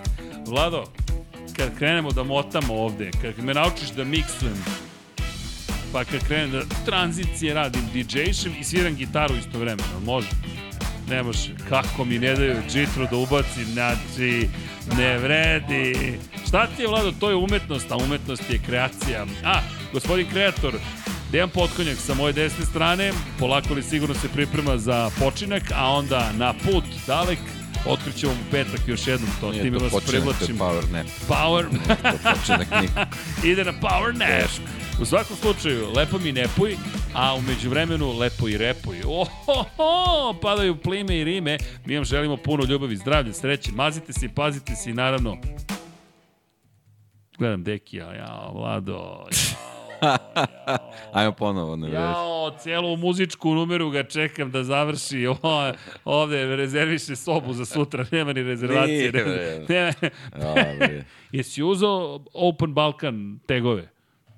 Je li to zaživelo? Nije još? Da, da, da. Mo, da, da, da, da, da, da, da, zaboravio sam tek koji tegovi. otvoreni Balkan Kod mene su to tagovi, idem s tegovima, okay, idem kroz okay, Balkan. Ko je najjači? Dejan Potkonjak. Da, baš si, baš e, to da istetoviraš, ko je najjači? baš, baš. Da, dobro. Da, da, regulisano. Vlada, pa pusti muziku ponovo kad čekamo već ove. Stati kažem, ja, imamo minut i po, vidiš da je, vidiš da je Deki ušao u surfovanje internetom. Yes. Nema sad muzike, nema, nema ničeg. Vlada nas bojkotuje. Ne, ja, sudija, svira i kraj. Hoćeš ja da ti pomogu? Eto ga. Tan tan tan tan tan tan tan tan tan tan tan. Ćemo 3-4 ili kako? Pa 3-4 je bila neka ideja moja, ali ove, ispalo iz ritma. Sad moramo sačekamo kraj muzički numer, znaš, mm -hmm. što je, tu je crescendo. Tan, tan, ja, tan, tam, tam, i sad idemo, sad ide. Pa, pa, pa, Dobro. Razumeš? I onda dođemo na... Ti budi bas tup, tup, tup,